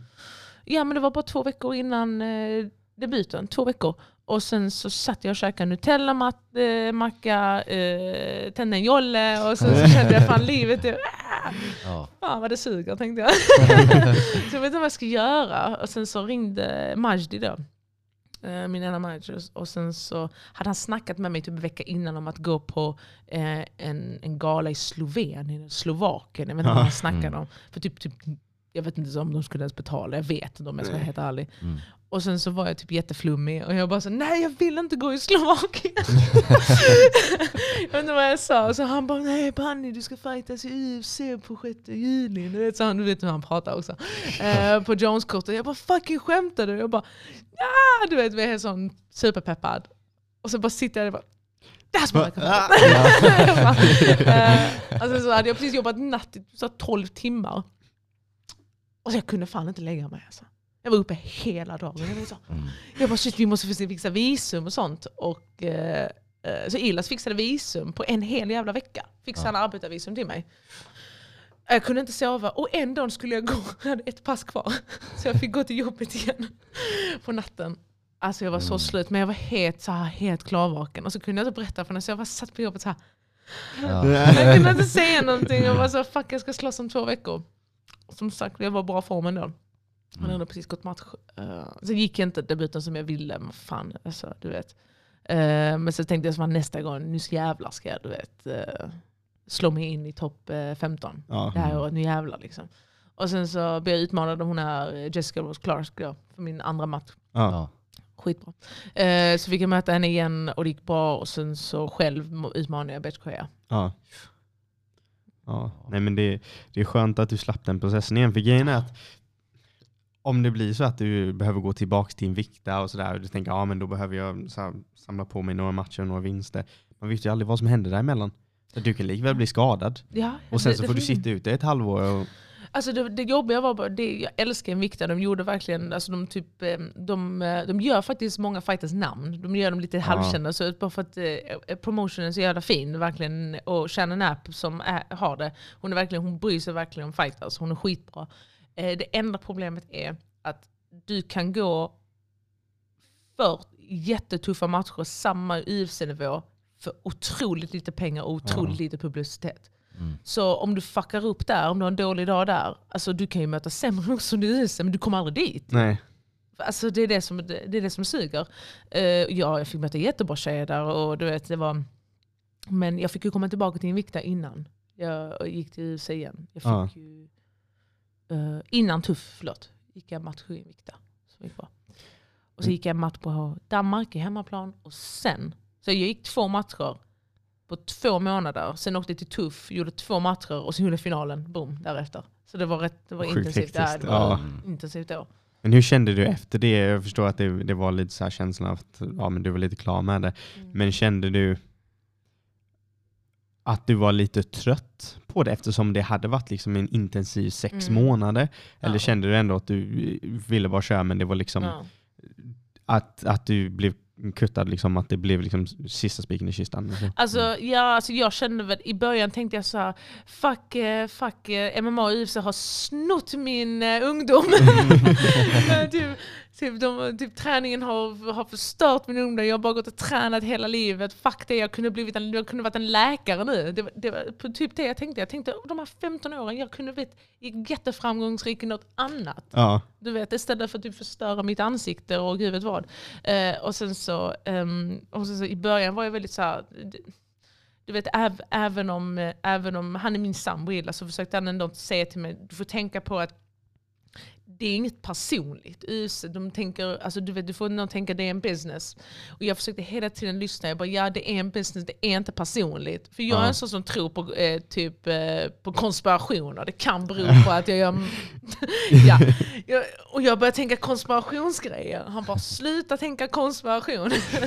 Eh, så när han sa till mig, han bara, nej men det, det är en business, du får bara fortsätt. Fortsätt så får vi se vad som händer. Han var också less på det ett tag. ja, ja. Han bara fuck dem, du vet ibland. Och sen ibland han, nej fuck inte dem, vi måste fortsätta jobba. För han har alltid vetat att jag är en topp 10 ja. eh, eh, vad heter det, nivå när det gäller USA. Han bara, jag vet om att du är topp 10, men jag vill inte att du ska ge upp för att jag, för att jag vet om att du är topp 10. Du ska inte bara ge upp den platsen. Nej. Jag bara, ja men alltså, ingen, bara, ingen tror på mig. du vet, så börjar jag gnälla och du vet så, typ ingen ger mig en chans. Och Du vet, så. så, alltså jag vet inte, det kunde lika gärna inte hänt. Det är det roliga. Mm. ja, så är det ju. Det kunde lika gärna inte hänt, men jag, jag, jag vill tro att det är min eh, ihärdighet och mitt hjärta som har hållit mig kvar. Ja. Jag vet inte. Ja. Men samtidigt så får man tänka att du hade ju lagt så mycket tid också. Så, här, Mm. så mycket tid och så många timmar och så många år. Liksom. Och det är det som irriterar mig. Det är därför jag inte ville sluta. För jag tänkte jag kan inte, det här kan inte vara förgäves. Nej, Mm. nej precis. Ja. Och det hade irriterat mig, irriterat mig mer att se andra som jag tänker så, pff, jag är fan mycket bättre än dig. Var ju du där? Och det, det peppade mig. Ja. Jag bara, tror du att du är bättre än mig? Då fick jag en sån, alltså, jag, jag fick en sån känsla, bara tror du att du är bättre än mig? Fuck det heller. Och så blev jag typ, så fortsatte jag. Ja. Ja, men när du fick samtalet eh, om att du skulle gå din första UFC-fight, var det en enfight-stil? Mm. Nej, var det var fyra matchkontrakt. Jag Ja. skulle få fyra matchkontrakt. Ja, För jag, vi hade ju sagt till matchmakern, hon är redo, hon kan gå när som helst, hon kan gå var som helst, hon kan klara vikten. ja, Bara ge oss, och med tanke på att vi har sagt det så lång tid, så det första han tänkte på när han behövde någon var ju mig ju. Ja. ja, precis. Och då var jag tvungen att säga, ja ja, fan kom, ja vi kör, vi kör, vi kör. Det, här, Mm. det här spelar inte någon roll vem det hade varit nu. Eh, men jag har ju sagt att jag skulle vara redo, det var jag ju. Jag var Ja. i konditionsform och allting, jag var bara inte redo just den kvällen för henne. Jag hade inte, trä- alltså, jag hade inte fått, jag hade tränat specifikt för henne i en vecka. ja. Mm. Så det var, det var jobbigt. Men eh, eh, jag fick min fot in och de, de, var, de tyckte matchen var skitbra. Och eh, du vet, de sa till mig, sa till mig efteråt att jag behöver aldrig mer jobb, oroa mig för mitt jobb. Mm. Och det, skönt. det var skönt för mig. Men jag är fortfarande så här. Du vet, jag är på min vakt, jag skulle Ja. aldrig någonsin tappa garden. För jag tappar garden efter tupp. Jag blev Ja. så, alla mina år jag har kämpat, nu är jag här. Mm. Fuck det. det, det var, nej. Nej. Nej men ehm, hur, funkar, hur funkar det för dig liksom med matchningen och sånt? Har du någonting att säga till om där eller det är bara liksom, här har du denna fighten, ta den eller skit i den? Jag har Liksom. alltid trott att UFC funkade så. Ja. Att de ger mig en match, jag säger ja. Ja. Jag trodde aldrig det var en diskussion. Det var jag alltid trott. Men tydligen är det en diskussion. Man får säga nej till matcher. Det kan man ju. Men någonting min, min eh, manager förklarade för mig, han bara ja du kan säga nej. Men det betyder inte att i nästa, typ om de frågar dig nästa gång att eh, det blir något bra, förstår du, som du Ja. vill ha. Så man måste, måste liksom picka lite vad man känner för. Men eh, grejen var att eh, till exempel Jessie, hon frågade efter mig. Och så tyckte jag det var bra. Jag bara, varför inte? Tror du att du är bättre? Fick jag den känslan. Jag tror du att du är bättre än mig. Eh, och sen så när det gällde Betch Heja så kollade jag igenom rankingen och kollade lite saker. Var, var ligger vi? Och så tänkte jag att ah, men det är bra att ta ett namn som är stort. Inte någon som är omöjlig att slå. Utan Ja. förstår du, vi är lite jämna där. okej. Eh, och sen så sakta men säkert komma till toppen. Ja, För det är det som är meningen ju. Så ehm, man kan fråga efter matcher och det har jag gjort. Jag har frågat om jättemånga. Eller så bara säger du ja när de kommer med någon. ja, Mm. Ehm, men jag tror aldrig jag kommer säga nej. Alltså, det är därför jag låter mina, mina managers sköta det. För jag är sån som säger ja. Och ibland kan det också vara dumt. Jag bara, Ja. ja. Ja. Så bara låter de sköta det istället. Men då vet de att eh, jag inte säger nej till matcher. Så. ja. Nej, men hon var ju en väldigt bra motståndare att välja också just med tanke på att du vet, hon hade haft sin fight mot Holly Holm och det blir ju så folk. Ja precis, och folk känner ju till henne. Mm. Alltså, det var en stor anledning varför jag ville möta henne. För att folk känner till henne mer än de känner till mig. Mm, just det. Så jag tänkte om jag kan rida på hennes eh, spotlight lite Ja. så kan jag komma, komma upp lite. För det är också viktigt att det inte bara är viktigt att signa ett UFC-kontrakt och bara vara där. Utan du vill ju att folk ska veta när du ska fightas. Så de, Ja. de loggar in på UFC Fight Pass för att se att du ska fightas. Ja, Mm. Eh, liksom det är lite det som är meningen. UFC är ju också en väldigt mycket fanbaserat. Ja. Det är jättemycket show också. Så du vill ju också att folk ska vilja se dig slåss. De vill inte se det bara så uh, oh det är hon på prelim, så fuck det. Okej, jag går och lägger mig en stund så vaknar jag upp till nästa match. Ja, vet, så jag vill nog vara någon som folk vill titta på. ja. Mm. Nej, för det känns ju som att såklart rankings betyder någonting, Mm. men att det spelar mycket mer roll om vem den personen är. Så är det Definitivt. bättre att möta någon som, om vi säger typ som en nästa fight, om de ligger typ nia, och, men att de har ett, ett väldigt liksom, välkänt namn än att möta någon som är femma, Mm. men ingen vet vem de är. De är liksom inte mainstream. Just nu tittar jag på själva stilarna, vad som passar mig just nu. Mm. Eh, och, det är, och det är därför efter matchen så jag tänkte, ah, men okej, om jag får möta Raquel Pennington, hon passar min stil jättebra. Hon Ja. slåss också, hon är ändå bra på golvet men hon gillar att stå och slåss. Fan vad nice, okej det, det, det, möta. okej det fick jag inte. Eh, så frågade jag om nästa, fick jag inte. För många var upptagna och eh, lite skadade och sånt. Men till exempel, sen är jag väldigt mån om att vissa motståndare som är lite parentes tråkiga i stil kanske. De är specifika på en, så till exempel de är jättebra brottare. Vi säger Sarah McMahon. Ja. Eh, henne skulle jag vilja ha ett långt camp för. Ja. Förbereda mig ordentligt. Eller till exempel Caitlyn Vera, jättebra på en sak, vill förbereda mig. S- till exempel så, men de vill jag ha lite längre fram. Jag vill först rada upp lite vinster och folk kanske får lite nys om en. Det är intressanta matcher. Sen, du vet de här måste-matcherna som du måste göra för att komma till titeln. Okej, men då vill jag ha lite mer förberedelse för det. Till exempel Sarah McMahon är ingen jag vill möta på kort notis. Nej. Nej. Jag kommer slå henne men jag vill ha möta det med lite mer förberedelse. Ja, Precis. precis. Om man möter någon som är lite högre upp i rankingen, Mm. känner du mer press om att ja, men eftersom folk känner igen henne Mm. Och hennes namn, då behöver jag liksom göra en, en riktigt bra fight, då behöver jag imponera, eller går du in i fighten med samma inställning? Liksom? Eh, till exempel eh, om jag ska möta någon som är högre rankad än mig själv så gillar jag lite att jag är lite okänd. Ja. Jag tycker om att gå in och ta någons plats till exempel. Det är, där, det är därför jag tror att jag kommer typ jaga mig till toppen. Jag kommer alltid vara i blå hörna tills jag kommer till toppen. Ja. Mm. Och, och jag gillar lite det. Och, um, jag gillar att, och, eh, att vara lite underdog. Det tycker jag om. Eh, så tänk nu när jag blir champ. Det, Ja. Det kommer faktiskt vara lite jobbigt, måste jag säga. För då måste jag vara typ så, jag gillar att vara den som jagar faktiskt. Lite. Ja. Så, jag, eh, så jag gillar, det är därför jag gillar att möta folk som är lite högre än mig. Eller bara sägs att vara bättre än mig. Det tycker Ja. jag om. Precis. För då, kan jag, då, då behöver jag inte liksom tänka så mycket på, eh, på det här med press och sånt. För jag tänkte faktiskt inte mycket på det. Nej. Jag tyckte det var kul för att hon var typ, eh, hon var typ stensäker på hon skulle vinna. Och du vet, hon var, ehm, egentligen passade hon min stil för att slå mig. För hon var väldigt bulldozy och sånt. Men jag tyckte jag, mm, jag neutraliserade henne rätt bra faktiskt. Ja, men men jag hade verkligen. tränat väldigt länge på det. Liksom, försöka vara så fokuserad som möjligt. Så. Men i den fighten, där var det ju en, en stund som var lite konstig när hon, när de klappade, den här 10 sekunds klappen Mm. Och sen så bara slutar hon. Alltså jag tyckte det var jättevirrigt. Jag var jätteförvirrad. Men eh, jag, jag bara kände bara så här att eh, hon gav mig handen jag bara nej. så jag stannade en sekund där. Eh, fan, så tänker jag på det att eh, jag borde vara lite smartare och hållit henne på avstånd. Men, eh, men ja, det var lite virrigt för mig. Men hon, jag kände direkt att hon var lite förvirrad. Jag vet att typ eh, att eh, mina, mina coacher sa att hon var förvirrad när hon väl kom in i buren till och med. Alltså att hon gick till, först gick hon till fel hörna, sen inför tredje ronden gick hon, alltså hon var lite, vi- var lite förvirrad men jag antar att hon trodde att klockan gick för att, jag tror hon hade en rätt jobbig rond för jag tyckte faktiskt det var en bra rond för mig. Ja, verkligen. Det Ja. kan också vara så att man vill kanske att det ska ta slut eller att man bara tror Ja. det eller någonting. Men eh, jag tyckte nog vi hade en bra match. Jag tyckte också den matchen visade lite att jag eh, kunde trycka på tempot och inte bara vara på distans och um, rida ut en, en, ett beslut. För jag tyckte Ja. ändå jag eh, var lite mer aggressiv i den matchen. Och, ehm, ja, och jag tror det behövs när man kommer till huset.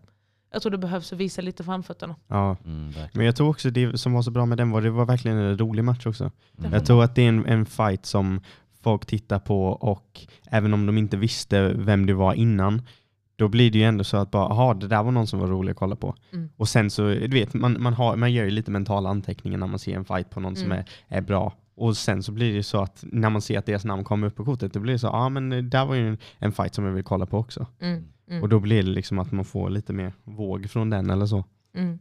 Eh, och sen så tror jag också typ eh, på senaste åren har det blivit lite mer så här att folk, eh, folk strikas mer i UFC. Det har Ja. blivit lite mer show, du vet. Ja. Ehm, visst det är alltid kul när riktigt bra grapplers möts åt, men på senaste tiden har det varit jättemycket mycket stående fighter. Ja. Har det varit mycket sånt.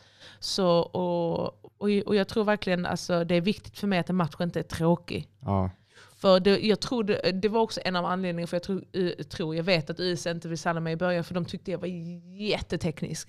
De Ah, tyckte jag var jättesäker. Alltså typ så att det inte var något som strålade wow, du vet så. För, att, du vet, för jag kommer ju från en amatörbakgrund, amatörboxning och det är väldigt teknisk boxning. Ja. Så jag borde jag, jag nästan eh, skulle fila till det lite.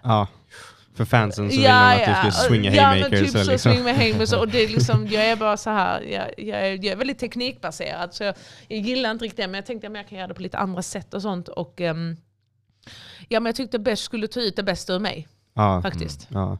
Men det märker man ju också om man kollar på typ en, en fighter som Usman. Mm. Väldigt, väldigt teknisk boxning. Mm. Och det, han är väldigt duktig. Jätteduktig Men verkligen. det är tråkigt. Ja men det, det är Mm. så trå- tråkigt att det är tråkigt. Ja. Ja, Så men- hade, han, hade han haft en mer, ska man säga, lite mer rolig stil eller att han Som Adesanya till exempel. Ja men precis, Ja. då hade han ju kommit till toppen betydligt fortare. Men nu fick han liksom jobba sig själv upp och det var ju rent av på hans dominans att han har liksom hamnat där han är. För att till slut så kan man ju liksom inte neka honom det, Nej. för att han är så duktig. Mm. Och när han väl är på toppen, då är det ju jättesvårt, då är det ingen som kan säga någonting om det.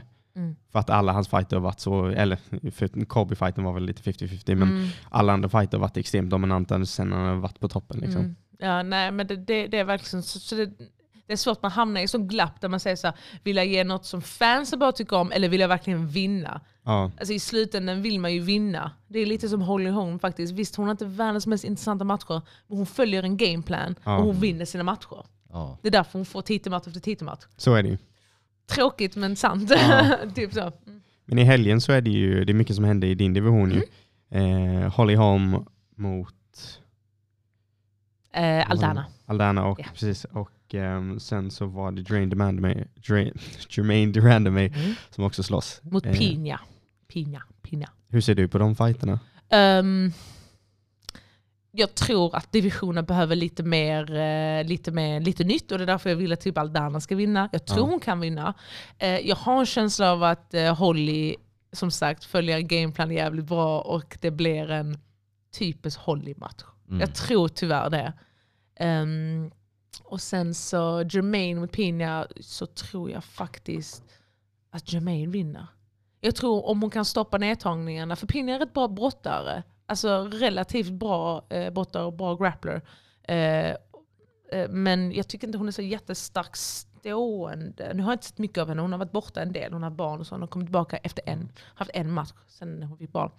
Men Jermaine, alltså hon har varit en av mina favoriter sedan länge. Inte bara inom MMA, inom K1 och i thai och sånt också. Ehm, faktiskt en tjej som jag skulle faktiskt tränat med. Är det så? Ett antal gånger. Ja, vi har pratat mycket om att, för jag är rätt mycket i Holland. Min, min syster bor i Holland. Jaha. Så varje gång jag varit där har hon skrivit till mig med, eh, om, om, om jag kan komma dit och träna med henne. Jag vill så gärna, men jag har ett problem. Jag vill inte träna med någon som jag eventuellt kan möta. Ja. Inte tills efter vi har mötts eller något sånt. Ja. Eh, Så jag lite väntar på att hon ska gå upp en viktklass eller att hon ska sluta. För jag vill jättegärna träna med henne men jag vill ju också slå henne. det, Ja, är lite precis. sånt. Ja, det, det, det är lite så fram och tillbaka på henne. Men jag är stort fan av henne och jag tror hon är så himla förbisedd. Jag tror efter Holly-matchen, efter, efter när hon vann bältet och du vet så, jag tror folk bara vill hitta grejer att hata om henne. Men Ja. hon är inte, alltså... Nej. Nej, Hon har bara ett jävligt otur tror jag med grejer. Men det här med att slå Holly efter klockan, som egentligen är domarens jobb att säga och ge varna. Ja. Ja. och den vann hon faktiskt matchen. Jag tyckte inte alls det var Hollys match. Och att hon sa nej till att möta Cyborg. Ja. Alltså, då, då, det får man ju göra liksom. Det är inga problem, men hennes bälte togs. Och det här med att hon mötte Aspen, knockade henne med ett slag, men ändå hon fick skit bara för att folk tyckte det var för tidigt. Men det är fortfarande inte hennes fel. Liksom. Ja. Så det, alltså jag tror hon hamnar bara i sådana dumma grejer som inte är hennes fel. Nej. Men jag gillar henne som fighter, hon är skitkul. Och, eh, och som sagt, hon är, typ, hon, hon är ju rankad som världens bästa K1-fighter. Hon är ju 47-0 tror jag i, eh, i thai och K1. Alltså är hon är helt sjukt grym, jag är så är helt fan. är Får man, eh, har du bra kontakt med de andra, med en del andra i din så division och, och lite sånt eller är det bara typ Jermaine Durand? Alltså jag pratar lite med Jermaine ibland. ehm, eh, och sånt. Uh, vi skriver till varandra innan- våra matcher och sånt. Och, ja, nej, Holland och sånt. Men ehm, nej, jag vet att efter jag och Jesse möttes första gången snackade vi lite. Bara någon gång. Ja. Snackade vi inte mer sen. Eh, nej. Fan, jag tror inte jag pratar med någon. Nej. Men skulle du tycka det var jobbigt, alltså eftersom ni ändå har ett liksom vänligt eh, relation till varandra och liksom hon har erbjudit att du kan komma och, och träna Mm. med henne. Tror, blir det så här jobbigt att slåss mot dem eftersom du liksom, man är ju ändå, har en, vad ska man säga, ni har liksom en bra le- relation till varandra. Jag gillar inte vänskapen innan en match. Förstår ni vad jag menar? Ja. Alltså, typ, jag, jag har verkligen respekt för det sånt. Men jag, jag vill helst inte vara vän med dig. Det, det var jobbigt för mig när jag mötte Macy i tufffinalen. För att vi var, vi var, vi var bunk buddies. Vi, vi tränade varje dag tillsammans. Vi var Ja, jättebra okej. vänner. Och det var så himla irriterande för att jag ville så gärna ogilla henne på matchdagen. Mm. Det gjorde jag lite med någon. Men, men fan, jag ville bara inte att vi skulle känna varandra. Ehm, så det, det är lite också därför jag inte vill träna med Jermaine än. Bara för att det är någon jag anser att fan, jag, för att komma till titeln måste jag komma förbi dig också. Ja. Och jag kan inte ha vänskaplig relation med dig nu. Nej. Men efteråt, ja absolut, då kan vi träna tillsammans. För typ, det är det som har hållit mig ifrån det, för att träna med henne. För att, eh, alltså, vilken annan person som helst hade säkert gjort det, men jag bara nej jag vill inte. För att jag vill, jag vill ha hennes kunskap, men jag vill slå henne också. Ja, så det, det är lite sånt. Så helst vill jag vara vänner efter, jag vill inte Ja. vara vänner innan match. Men känner du att du vill ha en okej relation med, med den du möter eller, eller hellre så att du, Ja, alltså du vill jag- bara hata dem? Ja. Nej, alltså hat och sånt. Till exempel, jag, är, jag är jättedålig på trash talk. Alltså, det funkar inte så. Om de hatar mig så är det lugnt. Men alltså, typ, jag vill hellre ha det rätt neutralt. Ja, Ja, li, lite neutralt. Betch var ju lite sån, lite feisty, lite sån. ja. Men eh, ja, men alltså det, ja, det är lite som det. Om de börjar trashtalka så måste man ju fortsätta. Men jag är så himla dålig på det. Hur det går. Om de börjar. Jag har inte hamnat i den situationen än. Nej. Så, vi får se. Nej. Eh, jag tänkte på det, i helgen så eh, hade vi några bra matcher. Vi hade ju uh, Adesanya, mot uh, Paolo Costa. Mm.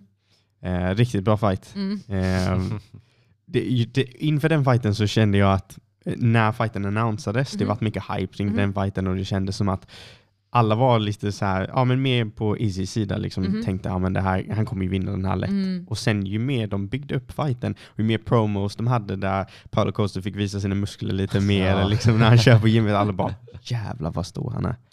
Inte en chans att tar honom. Ja. Och sen typ bland mina kompisar också och Ah. andra som man har snackat med, alla bara nej men nej, jag tror det blir lite svårt för Adesanya. Sen så bara plockar han isär honom. Alltså jag har alltid trott att Asada skulle vinna. Jag hade ingen tvek, Nej. tveka på det. Alltså pa Mm. Paolo hade bra och sånt men han är ju bara ett muskelberg. ja. Alltså, för, alltså det, han är ju typ, han är, jag kan inte säga att han har noll teknik, han är ändå svartbälte på Ibasas jutsu, Ja. han är bra stående och så men ska du jämföra det med någon som har gått över hundratals matcher? Liksom. Mm. Ehm, så nej, jag, jag var rätt, men jag trodde bara inte det skulle vara sån överkörelse. Jag trodde det skulle vara lite jämnare, det trodde jag faktiskt. Ja. Men ja, fan, Izzy är skitbra alltså. Ja. Ja, han är riktigt bra. Um, och um, ja, jag vet inte. Och sen Costa var lite så här, typ, jag hänger mycket på Twitter. Ja. Han, han är verkligen, han, han älskar nog sig själv mer än någon annan. Alltså det är precis som att han tittar på sig själv. Han är, han är den personen som typ eh, glor på sig själv varenda sätt han hittar en spegel. Sån Ja. känsla har jag över honom. Jag vet inte. Tycker det är lite creepy om jag ska vara helt Ja. ärlig. Men eh, jag tänkte också på det, precis efter fighten, Mm. då var det så här lite kontroversiellt, det som Mm. Izzy gjorde, så här, att han, när han typ juckade på honom. Så här, det känns ju om det hade hänt på typ en regional gala, du vet om det hade hänt på liksom en, ja, bara en sån Mm. vanlig tävling, då hade det blivit bråk. Mm. Efter en sån ja, grej liksom. Krig, alltså. Men, men där känns det som att nästan, typ för att det är UFC, så, så här, visst det är många som tänker så här, ah, men det var riktigt fult gjort. Men ändå så här, många som typ hejar lite på Izzy för den bara, ah, men Paolo Costa snackade mycket skit och sådär. Någonting jag reagerar på, för Angela Hill var där och kommenterade och sånt för UFC och sånt. Ja. Och hon, de hade frågat henne där och hon har varit väldigt eh, vocal när det gäller den här Black Lives Matter. Ja. Till exempel. Till exempel. De frågar henne mycket om sånt för hon är också den första afroamerikanska kvinnan i UFC. Ja. Eh, så när de frågade henne om det, hon bara skrattade bort det och tyckte att det var lite kul. Men jag har en känsla, och bear with me här nu, att hon hade inte tyckt att det var lika kul om det hade varit tvärtom. Alltså om, förlåt, Ah. en västerländsk eller en vit hade gjort det på någon... Alltså förstår ni Ja, vad jag menar? precis. Mm. Alltså, jag, jag försöker tänka på det på båda sätt och hon tyckte det var kul då men jag tror inte hon hade tyckt det var roligt om det var tvärtom. Nej. Så jag Nej. tycker att ja, ja, det är klart det är lite osportigt men jag tror att när man vinner en sån stor match efter så stort bråk då blir det bara alla känslorna bara typ... Ja. Så. Ja. Så jag, jag, jag tror inte det hade hänt om Izzy och Costa hade varit så, du vet, lite... um, Att, att de har haft lite så bråk mellan sig. Jag tror inte han hade, att han hade gjort något sånt, men jag Nej. tror det var bara för att. Mm. Och om jag ska vara helt ärlig, jag tror Costa också hade gjort typ en samma sak. Ja. Alltså varför inte om han hade Ja. vunnit så ingen bryr sig. Nej. Alltså, sen vet jag inte vad han har sagt efter matchen. Han tyckte att han mådde väl sådär lite halv si så innan matcher och sånt. Ja. Mm. Eller så bara var han inte lika bra den natten. Vem vet? Nej. Alltså, jag vet Ja. inte. Nej, det känns som många blir lite frågetecken när de får möta Izzy. Ja, ja men det är klart. Alltså, han är ju skitduktig. Ja. Alltså riktigt bra. Ehm, ja, det är så jävla svår match. Alltså. Jag, vet Ja. inte. Jag, jag, jag, jag har inte så mycket för Costa. Jag vet inte riktigt. Jag Nej, följer inte riktigt hans karriär på det viset. Nej precis. Men ja. Många förväntade sig bara att han skulle gå in dit och svinga Mm. fullständigt. Men han Mm. var ju lite som Romero och väntade Mm, på honom. väntade lite och sånt. Alltså det Ja. var kanske smart. Vem vet, då kanske hade Israel släckt honom tidigare. Ja. Ja. Eh, För det är ju det är ju egentligen det perfekt för någon som är så teknisk och bara vänta ut stormen. Liksom. Ja. Mm. Så vem vet. Eh, Men eh, fan, det var, Easy var riktigt, riktigt skarp den kvällen. ja, verkligen. Men nu när du har tagit liksom klivet över till UFC och det är så, det är så mycket mer liksom publik och det, du vet, det är Mm. fight week och det blir verkligen liksom en, en stor grej varje gång du ska fightas. Påverkas du av den pressen jämfört med typ när du har slag, slagits i så mindre organisationer Mm. framför mindre folk och mindre exponering? Liksom? Det som är bra nu när jag, när jag kom till huset är att eh, under den här tiden när jag var utanför, när jag var i Cage Warriors och Invicta och eh, till och med eh, när jag fightades i Danmark innan jag gick, åkte till Tuff var en jättestor gala, verkligen. Eh, jag, jag, jag, har ju, jag har ju förberett mig där, eh, Ja. verkligen. Eh, och speciellt också inom media. Jag mediatränad som in i helvete och gjort mycket, mycket intervjuer och sånt på engelska. Och bara, jag har nästan förberett mig för det. Så när jag kommer till huset, visst det är en större grej när man ska gå en UC-match för att det, det är mer hype och sånt över det. Mm. Men jag känner bara att, eh, att det, är, det blir nästan, nästan enkelt för mig för jag har förberett mig för detta. Det är matchen som är det jobbiga. Ja, Så allt det runt omkring det är skitsamma för när jag väl, för jag, för jag, tänkte så här, ja, men är det så mycket annorlunda? Men när du kommer till matchen, det är exakt samma sak. ja. Det är samma sak som att gå i, på Superior eller gå på Cash Battle. Liksom. Ja. Det är samma sak. Som, som är rätt, rätt häftigt ändå. Bara att det är kanske lite mer, ja som sagt, publik och lite mer hype och sånt över det. Och om du blir stenåkare så är det över Twitter tre minuter ja precis. så, eh, men, men annars så känner jag bara så här att ehm, eh, vägen har bara öppnats att bara kunna vara sig själv nu ordentligt och bara gå in och bara, bara köra över folk. Liksom. Du är bara här för det. Liksom. Ja. Du är fan skitnice ju. Ja, Och gå in och bara och, eh, och jobba på allting du har tränat på i 15 år och nu kan du bara gå in och bara släppa lös. ja. För det här är sista, om vi säger så. det blir ingen mer organisation efter detta. Nej, precis. Nej. Alltså för mig i alla fall. Det blir, det blir inte bare knuckle efter detta. Nej. Det blir inte Bellator. Nej, det blir, det blir UC. Och sen så när jag har gjort mitt så fan, då, då är jag normal Svensson igen. Alltså det, det Ja. är bara så. Så det är bara att köra allt. Men ingen även med. Nej, Ä- nej, Även, för, även för en bra paycheck. Alltså, alltså, he, alltså helt ärligt, jag fattar inte hur de vågar. Nej. Bara att bara ha på sig de här fyraårshandskarna, de är skittunna. ja, ja. Alltså det är fan läskigt. Nej, nej, jag vill inte köra bare knuckle. Nej. Fan, jag har aldrig varit i slagsmål någonsin i hela mitt liv. Jag skulle aldrig kunna tänka mig det. Nej. Mm. Så nej, det blev bara utan. Vad tycker du om eh, Paige Vanzant när hon gick över till... Alltså jag tror de betalar henne bra. Ja, Ja. Så, eh, och hon är väldigt mycket för så att, att hon vill visa att hon inte bara är söt. Och, men fan har sagt att du är söt tänker jag. men, eh, hon är jättesäkert jättegullig och sånt. Men eh, ja, ja, varför inte? Om någon payar dig en, Ja. en miljon dollar, då hade jag faktiskt jag hade kanske också sagt ja, ja, Ja. Men ja, alltså hon är stort namn var än hon hade hamnat. ja. Hon har Så fått, säkert fått jättemycket erbjudanden överallt. Och ja, Jag menar varför inte? Jag Mm. tycker bara det är läskigt med knuckle. ja.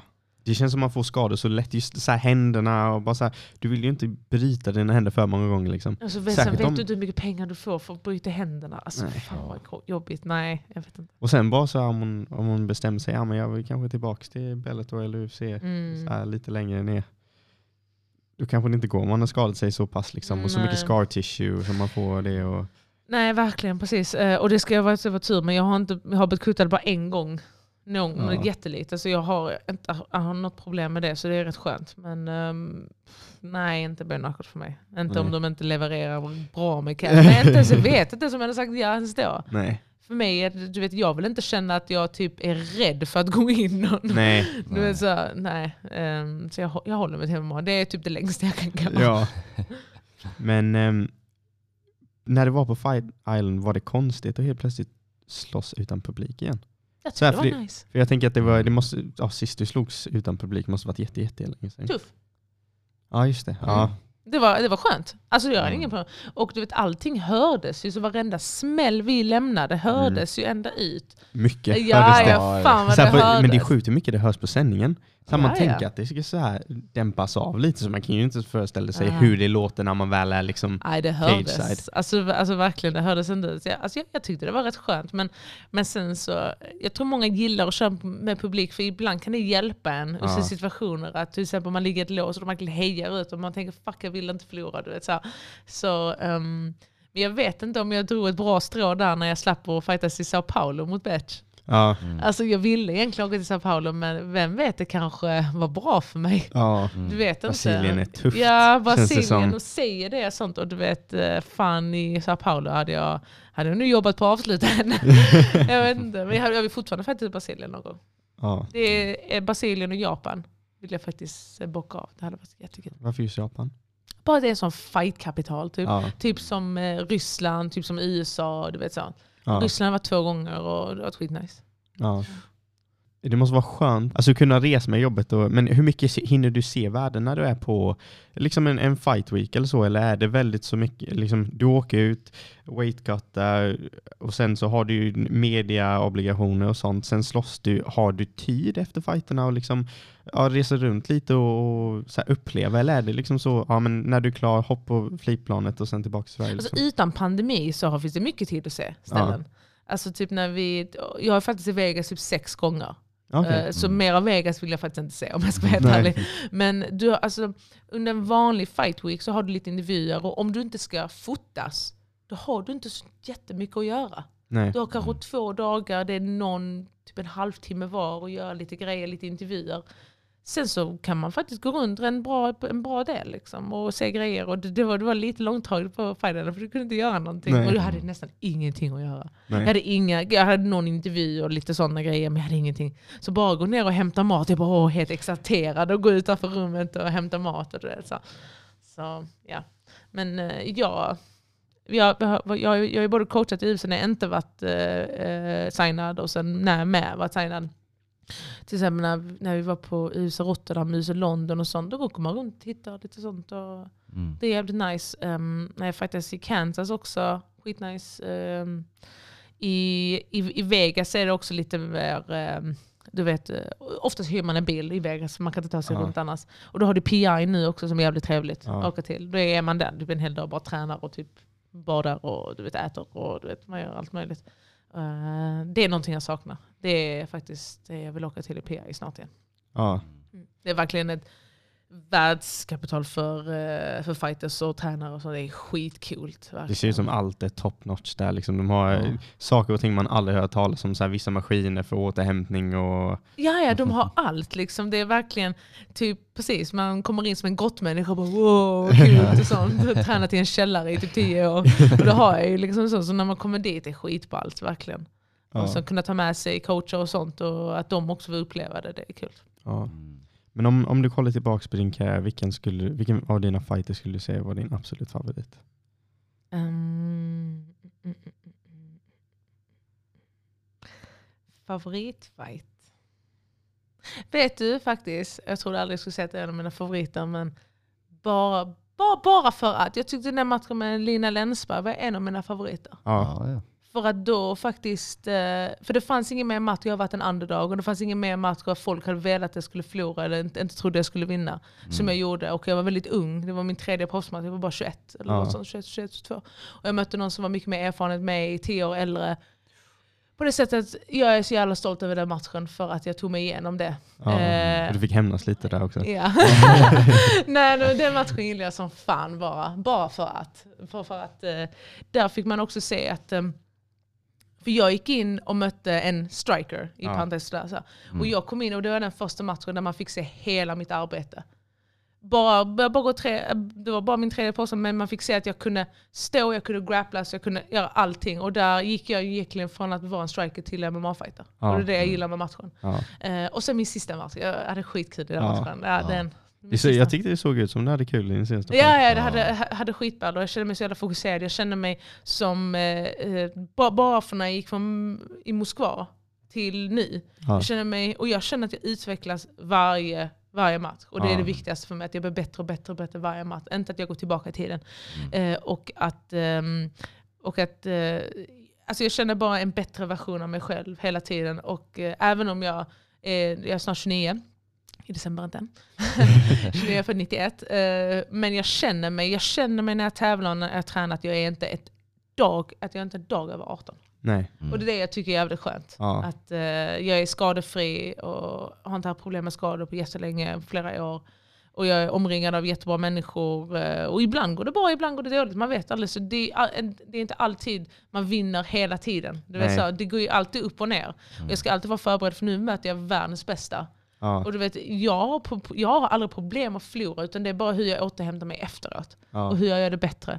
Eh, och, men, men jag känner mig, alltså, jag, jag känner bara om, om några år, om, om några år så eh, kommer jag vara någonstans jag alltid har velat vara. Och jag kommer bli bäst i världen. Ja. Jag bara väntar på det. Jag bara väntar på tills jag får den här chansen och väntar på de här åren och de här matcherna jag kommer gå nu. Ja. Eh, som kommer definiera hela min karriär. Och sen Ja. när jag har vunnit och är försvarat och när jag slutar, Svenssonliv, så kommer det bli skitnice. Ja. Ja.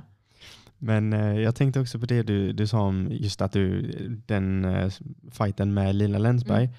Har du tänkt på, skulle, ty, om vi säger till exempel att UC ringer till dig eller Mm. din manager och säger ehm, ja, nu vill vi ha ett kort i Malmö eller Mm. Stockholm och vi vill att Lina och eh, Pani ska headlina den. Mm.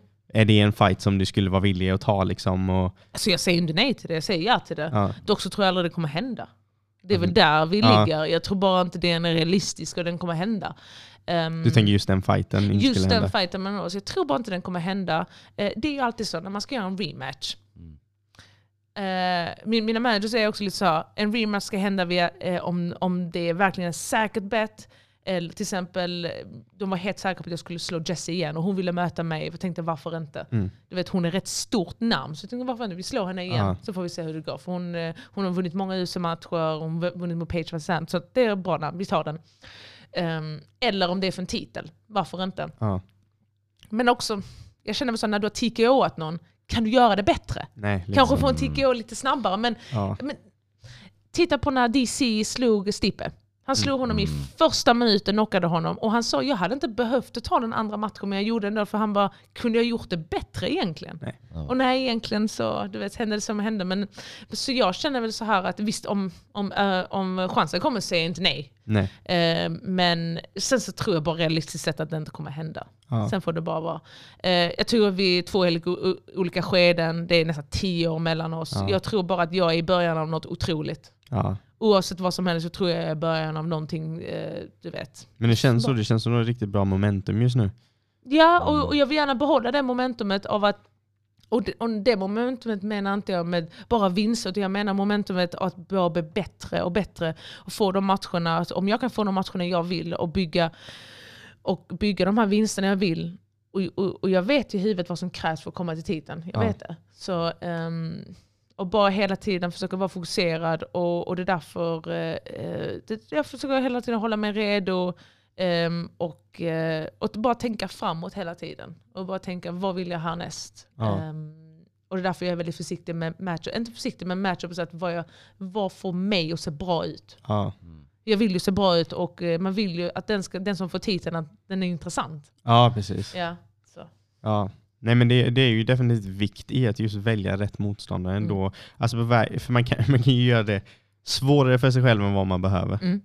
Och Definitivt. man vill ju såklart ta så lite damage som möjligt men också Mm. ha så roliga fighter som möjligt och liksom bygga sitt namn också. Men eh, det känns som att du har en, eh, känns som du har en, en bra plan. Ja, ja, men jag har bra på Jag går igenom detta hela tiden. Jag bara, den, den, den, och den blir skadad, kanske den. Du vet så. Ja. Så ja, jag försöker... ehm, för nu, nu tänker jag så, jag, jag steppar in i mina bästa år just nu. Ja. När, jag, när jag började, jag var 13 bast. Och jag tänkte, när kommer jag bli världsbäst? Även när jag var typ 21, när jag, eller när jag gick min första proffsmatch. Då tänkte jag bara så här, och många bara ja men fan hon är 6-0, hon är 8-0, hon kommer bli skitgrym. Men jag bara shit vänta lite, jag har inte ens nått min prime än. De vet Nej. inte ens hur bra jag kommer bli. Och det, och det säger jag till, till en av våra tjejer på MMA när hon ska gå någon, sin första, andra amatörmatch, hon är typ 23 bast. Så jag bara, du vet inte om hur bra du kommer bli om typ bara sju år. Mm. Du kommer bli jättebra. Alltså om du tror att du är bra nu, du kommer bli ännu bättre om några år. Ja. Och så känner jag att om något år kommer jag steppa in där jag känner mig så här nu, nu jävlar, nu ska jag få, um, få mitt namn där och jag kommer bli hur bra som helst nu. Liksom. Ja. Så. Och hur, hur, lång är din, eh, hur lång tidsspann skulle du säga att din plan är på? Hur många år har du tänkt att du... Kanske till fem år, fyra år, något sånt. Ah, Mm. fan. Jag vill gärna uppnå det jag vill uppnå och sen så faktiskt är jag väldigt... Eh, eh, du vet, jag, känner inte, jag känner inte att jag inte vill att jag kommer fortsätta fortsätta och sen bara hamna i en sån här läge där jag är gammal och förlorar och bara tar damage. Alltså jag vill bara Mm. känna att jag har... Jag vill känna mig nöjd. Eh, kunna vinna, vinna bälte och kunna försvara det. Och sen bara vill jag bara själv säga, fan jag är, jag är nöjd, jag vill, jag vill gå hem. Alltså, vet, jag, vill inte, jag vill aldrig mer elitträna. Ja. Men jag känner just nu att jag vill fortfarande det. Jag vill fortfarande prestera på topp. Och ehm, ett stort mål förutom UFC-bältet är såklart att eh, eh, liksom, eh, kunna vara med på Idrottsgalan och bli Sveriges bästa idrottare. Det tycker Ja. jag är otroligt stort. Och eh, bara bli igenkänd som eh, Sverige, en av Sveriges bästa atleter. Inte bara inom kampsportsgalan någonting, utan allmänt inom Ja. idrottare i Sverige. Och såklart mitt absolut, en av mina största mål hade, hade faktiskt varit att headlina ett svenskt kort. Mm. Det har jag Ja. jättegärna velat göra. Det hade varit mina, min högsta dröm liksom, just nu. Ja. Att headlina ett svenskt kort. Jag tror Kamsat hinner före mig, men skitsamma. kanske efter Kamsat. Kanske, kanske om, jag tror om jag kan få in två bra vinster till, Ja. att jag kan få headlina kort. Jag Ja. tror det. Mm. Vad hade, vilken stad hade du helst velat ha Ja, men såklart Malmö, det är Ja. riktigt skitballt. Det är klart, jag tror eh, stadion, Malmö, absolut att Ja. vi kunde ha huset där. Men vad fan, varför inte Globen? Det är också riktigt stort. Alltså, Mm. Eh, det, det, det är någonting som jag anser att vi har haft jättebra folk till. Så Alex har headlinat, eh, Jack har ha- headlinat. Alltså det är så otroliga atleter. Jag ser upp till alla. Alla svenska atleter så jag ser upp till dem. Ja. Eh, Från små galoproffs till amatör till topp 10. Liksom, så jag får se upp till dem. Men jag skulle så gärna vilja vara första kvinnliga som headlinar Sverige. Ja, det hade Ja, varit det hade maxat. varit- maxat. Men det känns ju som att så här, Globen är lite stämpel eller så. Mhm. Du vet, Ehm, men just, alltså, vi bor ju i södra Sverige så vi hade ju såklart velat att det skulle vara i Malmö då. Ja, Men ehm, samtidigt just framför hemma, hemma publiken, Mm. liksom Skåne, det blir ju... Det, ja, det kan inte bli riktigt- coolare. Nej. Nej, Eller, eller i Köpenhamn såklart. Köpenhamn, Köpenhamn är ju som Skåne ändå. Ja, så. ja. Mm. Så något av det där hade varit, eh, hade varit, alltså det hade varit typ toppen på EF. För mig hade det varit som att typ vinna ett bälte också. För att Ja, det hade ja. varit eh, någonting man hade verkligen sett fram emot. Ja. Mm. Har du några planer på efter eh, UFC-karriären att börja coacha? Definitivt. Jag har- har snackat om att öppna mitt eget gym sedan typ tio år tillbaka. Ja. Ja, alltså jag, jag har en liten grupp jag tränar just nu också. Mm. Um, i, i Värnhem i Malmö. På en annan klubb. Ehm, men ja, definitivt. När jag är färdig ska jag, ska jag starta en egen klubb. Var, jag tror det kommer bli södra Sverige. Mm. Så jag kommer gå in heltid för det. Och anledningen varför jag inte gjort det än, det är bara för att jag vill lägga 100% som jag gör nu i mitt tävlande, i andra jag vill träna.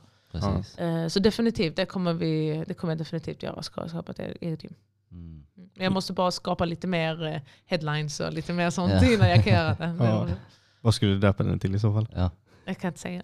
Inte? Jag, jag vet redan vad jag ska kalla det. Ja, inte. Men Ni kommer nog ni snor den. Nej, Vi jag, Nej. precis. jag, jag har bra namn och, eh, och jag har sett folk runt om mig, gamla tränare och kompisar och starta gym och jag vet precis hur jag inte ska göra. Mm. Det är det som är så bra med det. För jag har sett folk fucka upp det ordentligt och bli så jävla egoistiska och pengakåta. Jag vet precis hur jag ska göra det. Därför jag ska gå in med ett stort kapital och jag vet precis hur jag ska göra det. Ja. Så. ja, men vad kul. Ja. Eh, jag tänkte en sista fråga innan vi ehm, avrundar.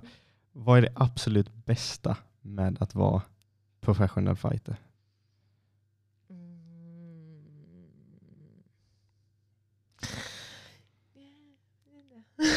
Vad absolut bästa? Uh, faktiskt, det kanske låter lite löjligt, men ehm, förutom att jag får typ halva priset på kaffe. på vissa kaféer. Nej, nej. Men någonting jag tycker faktiskt är faktiskt nära hjärtat det är när um, ända sedan jag flyttade till Malmö och blev lite mer namn i Malmö än i Helsingborg. För Helsingborg är rätt så känner många till mig.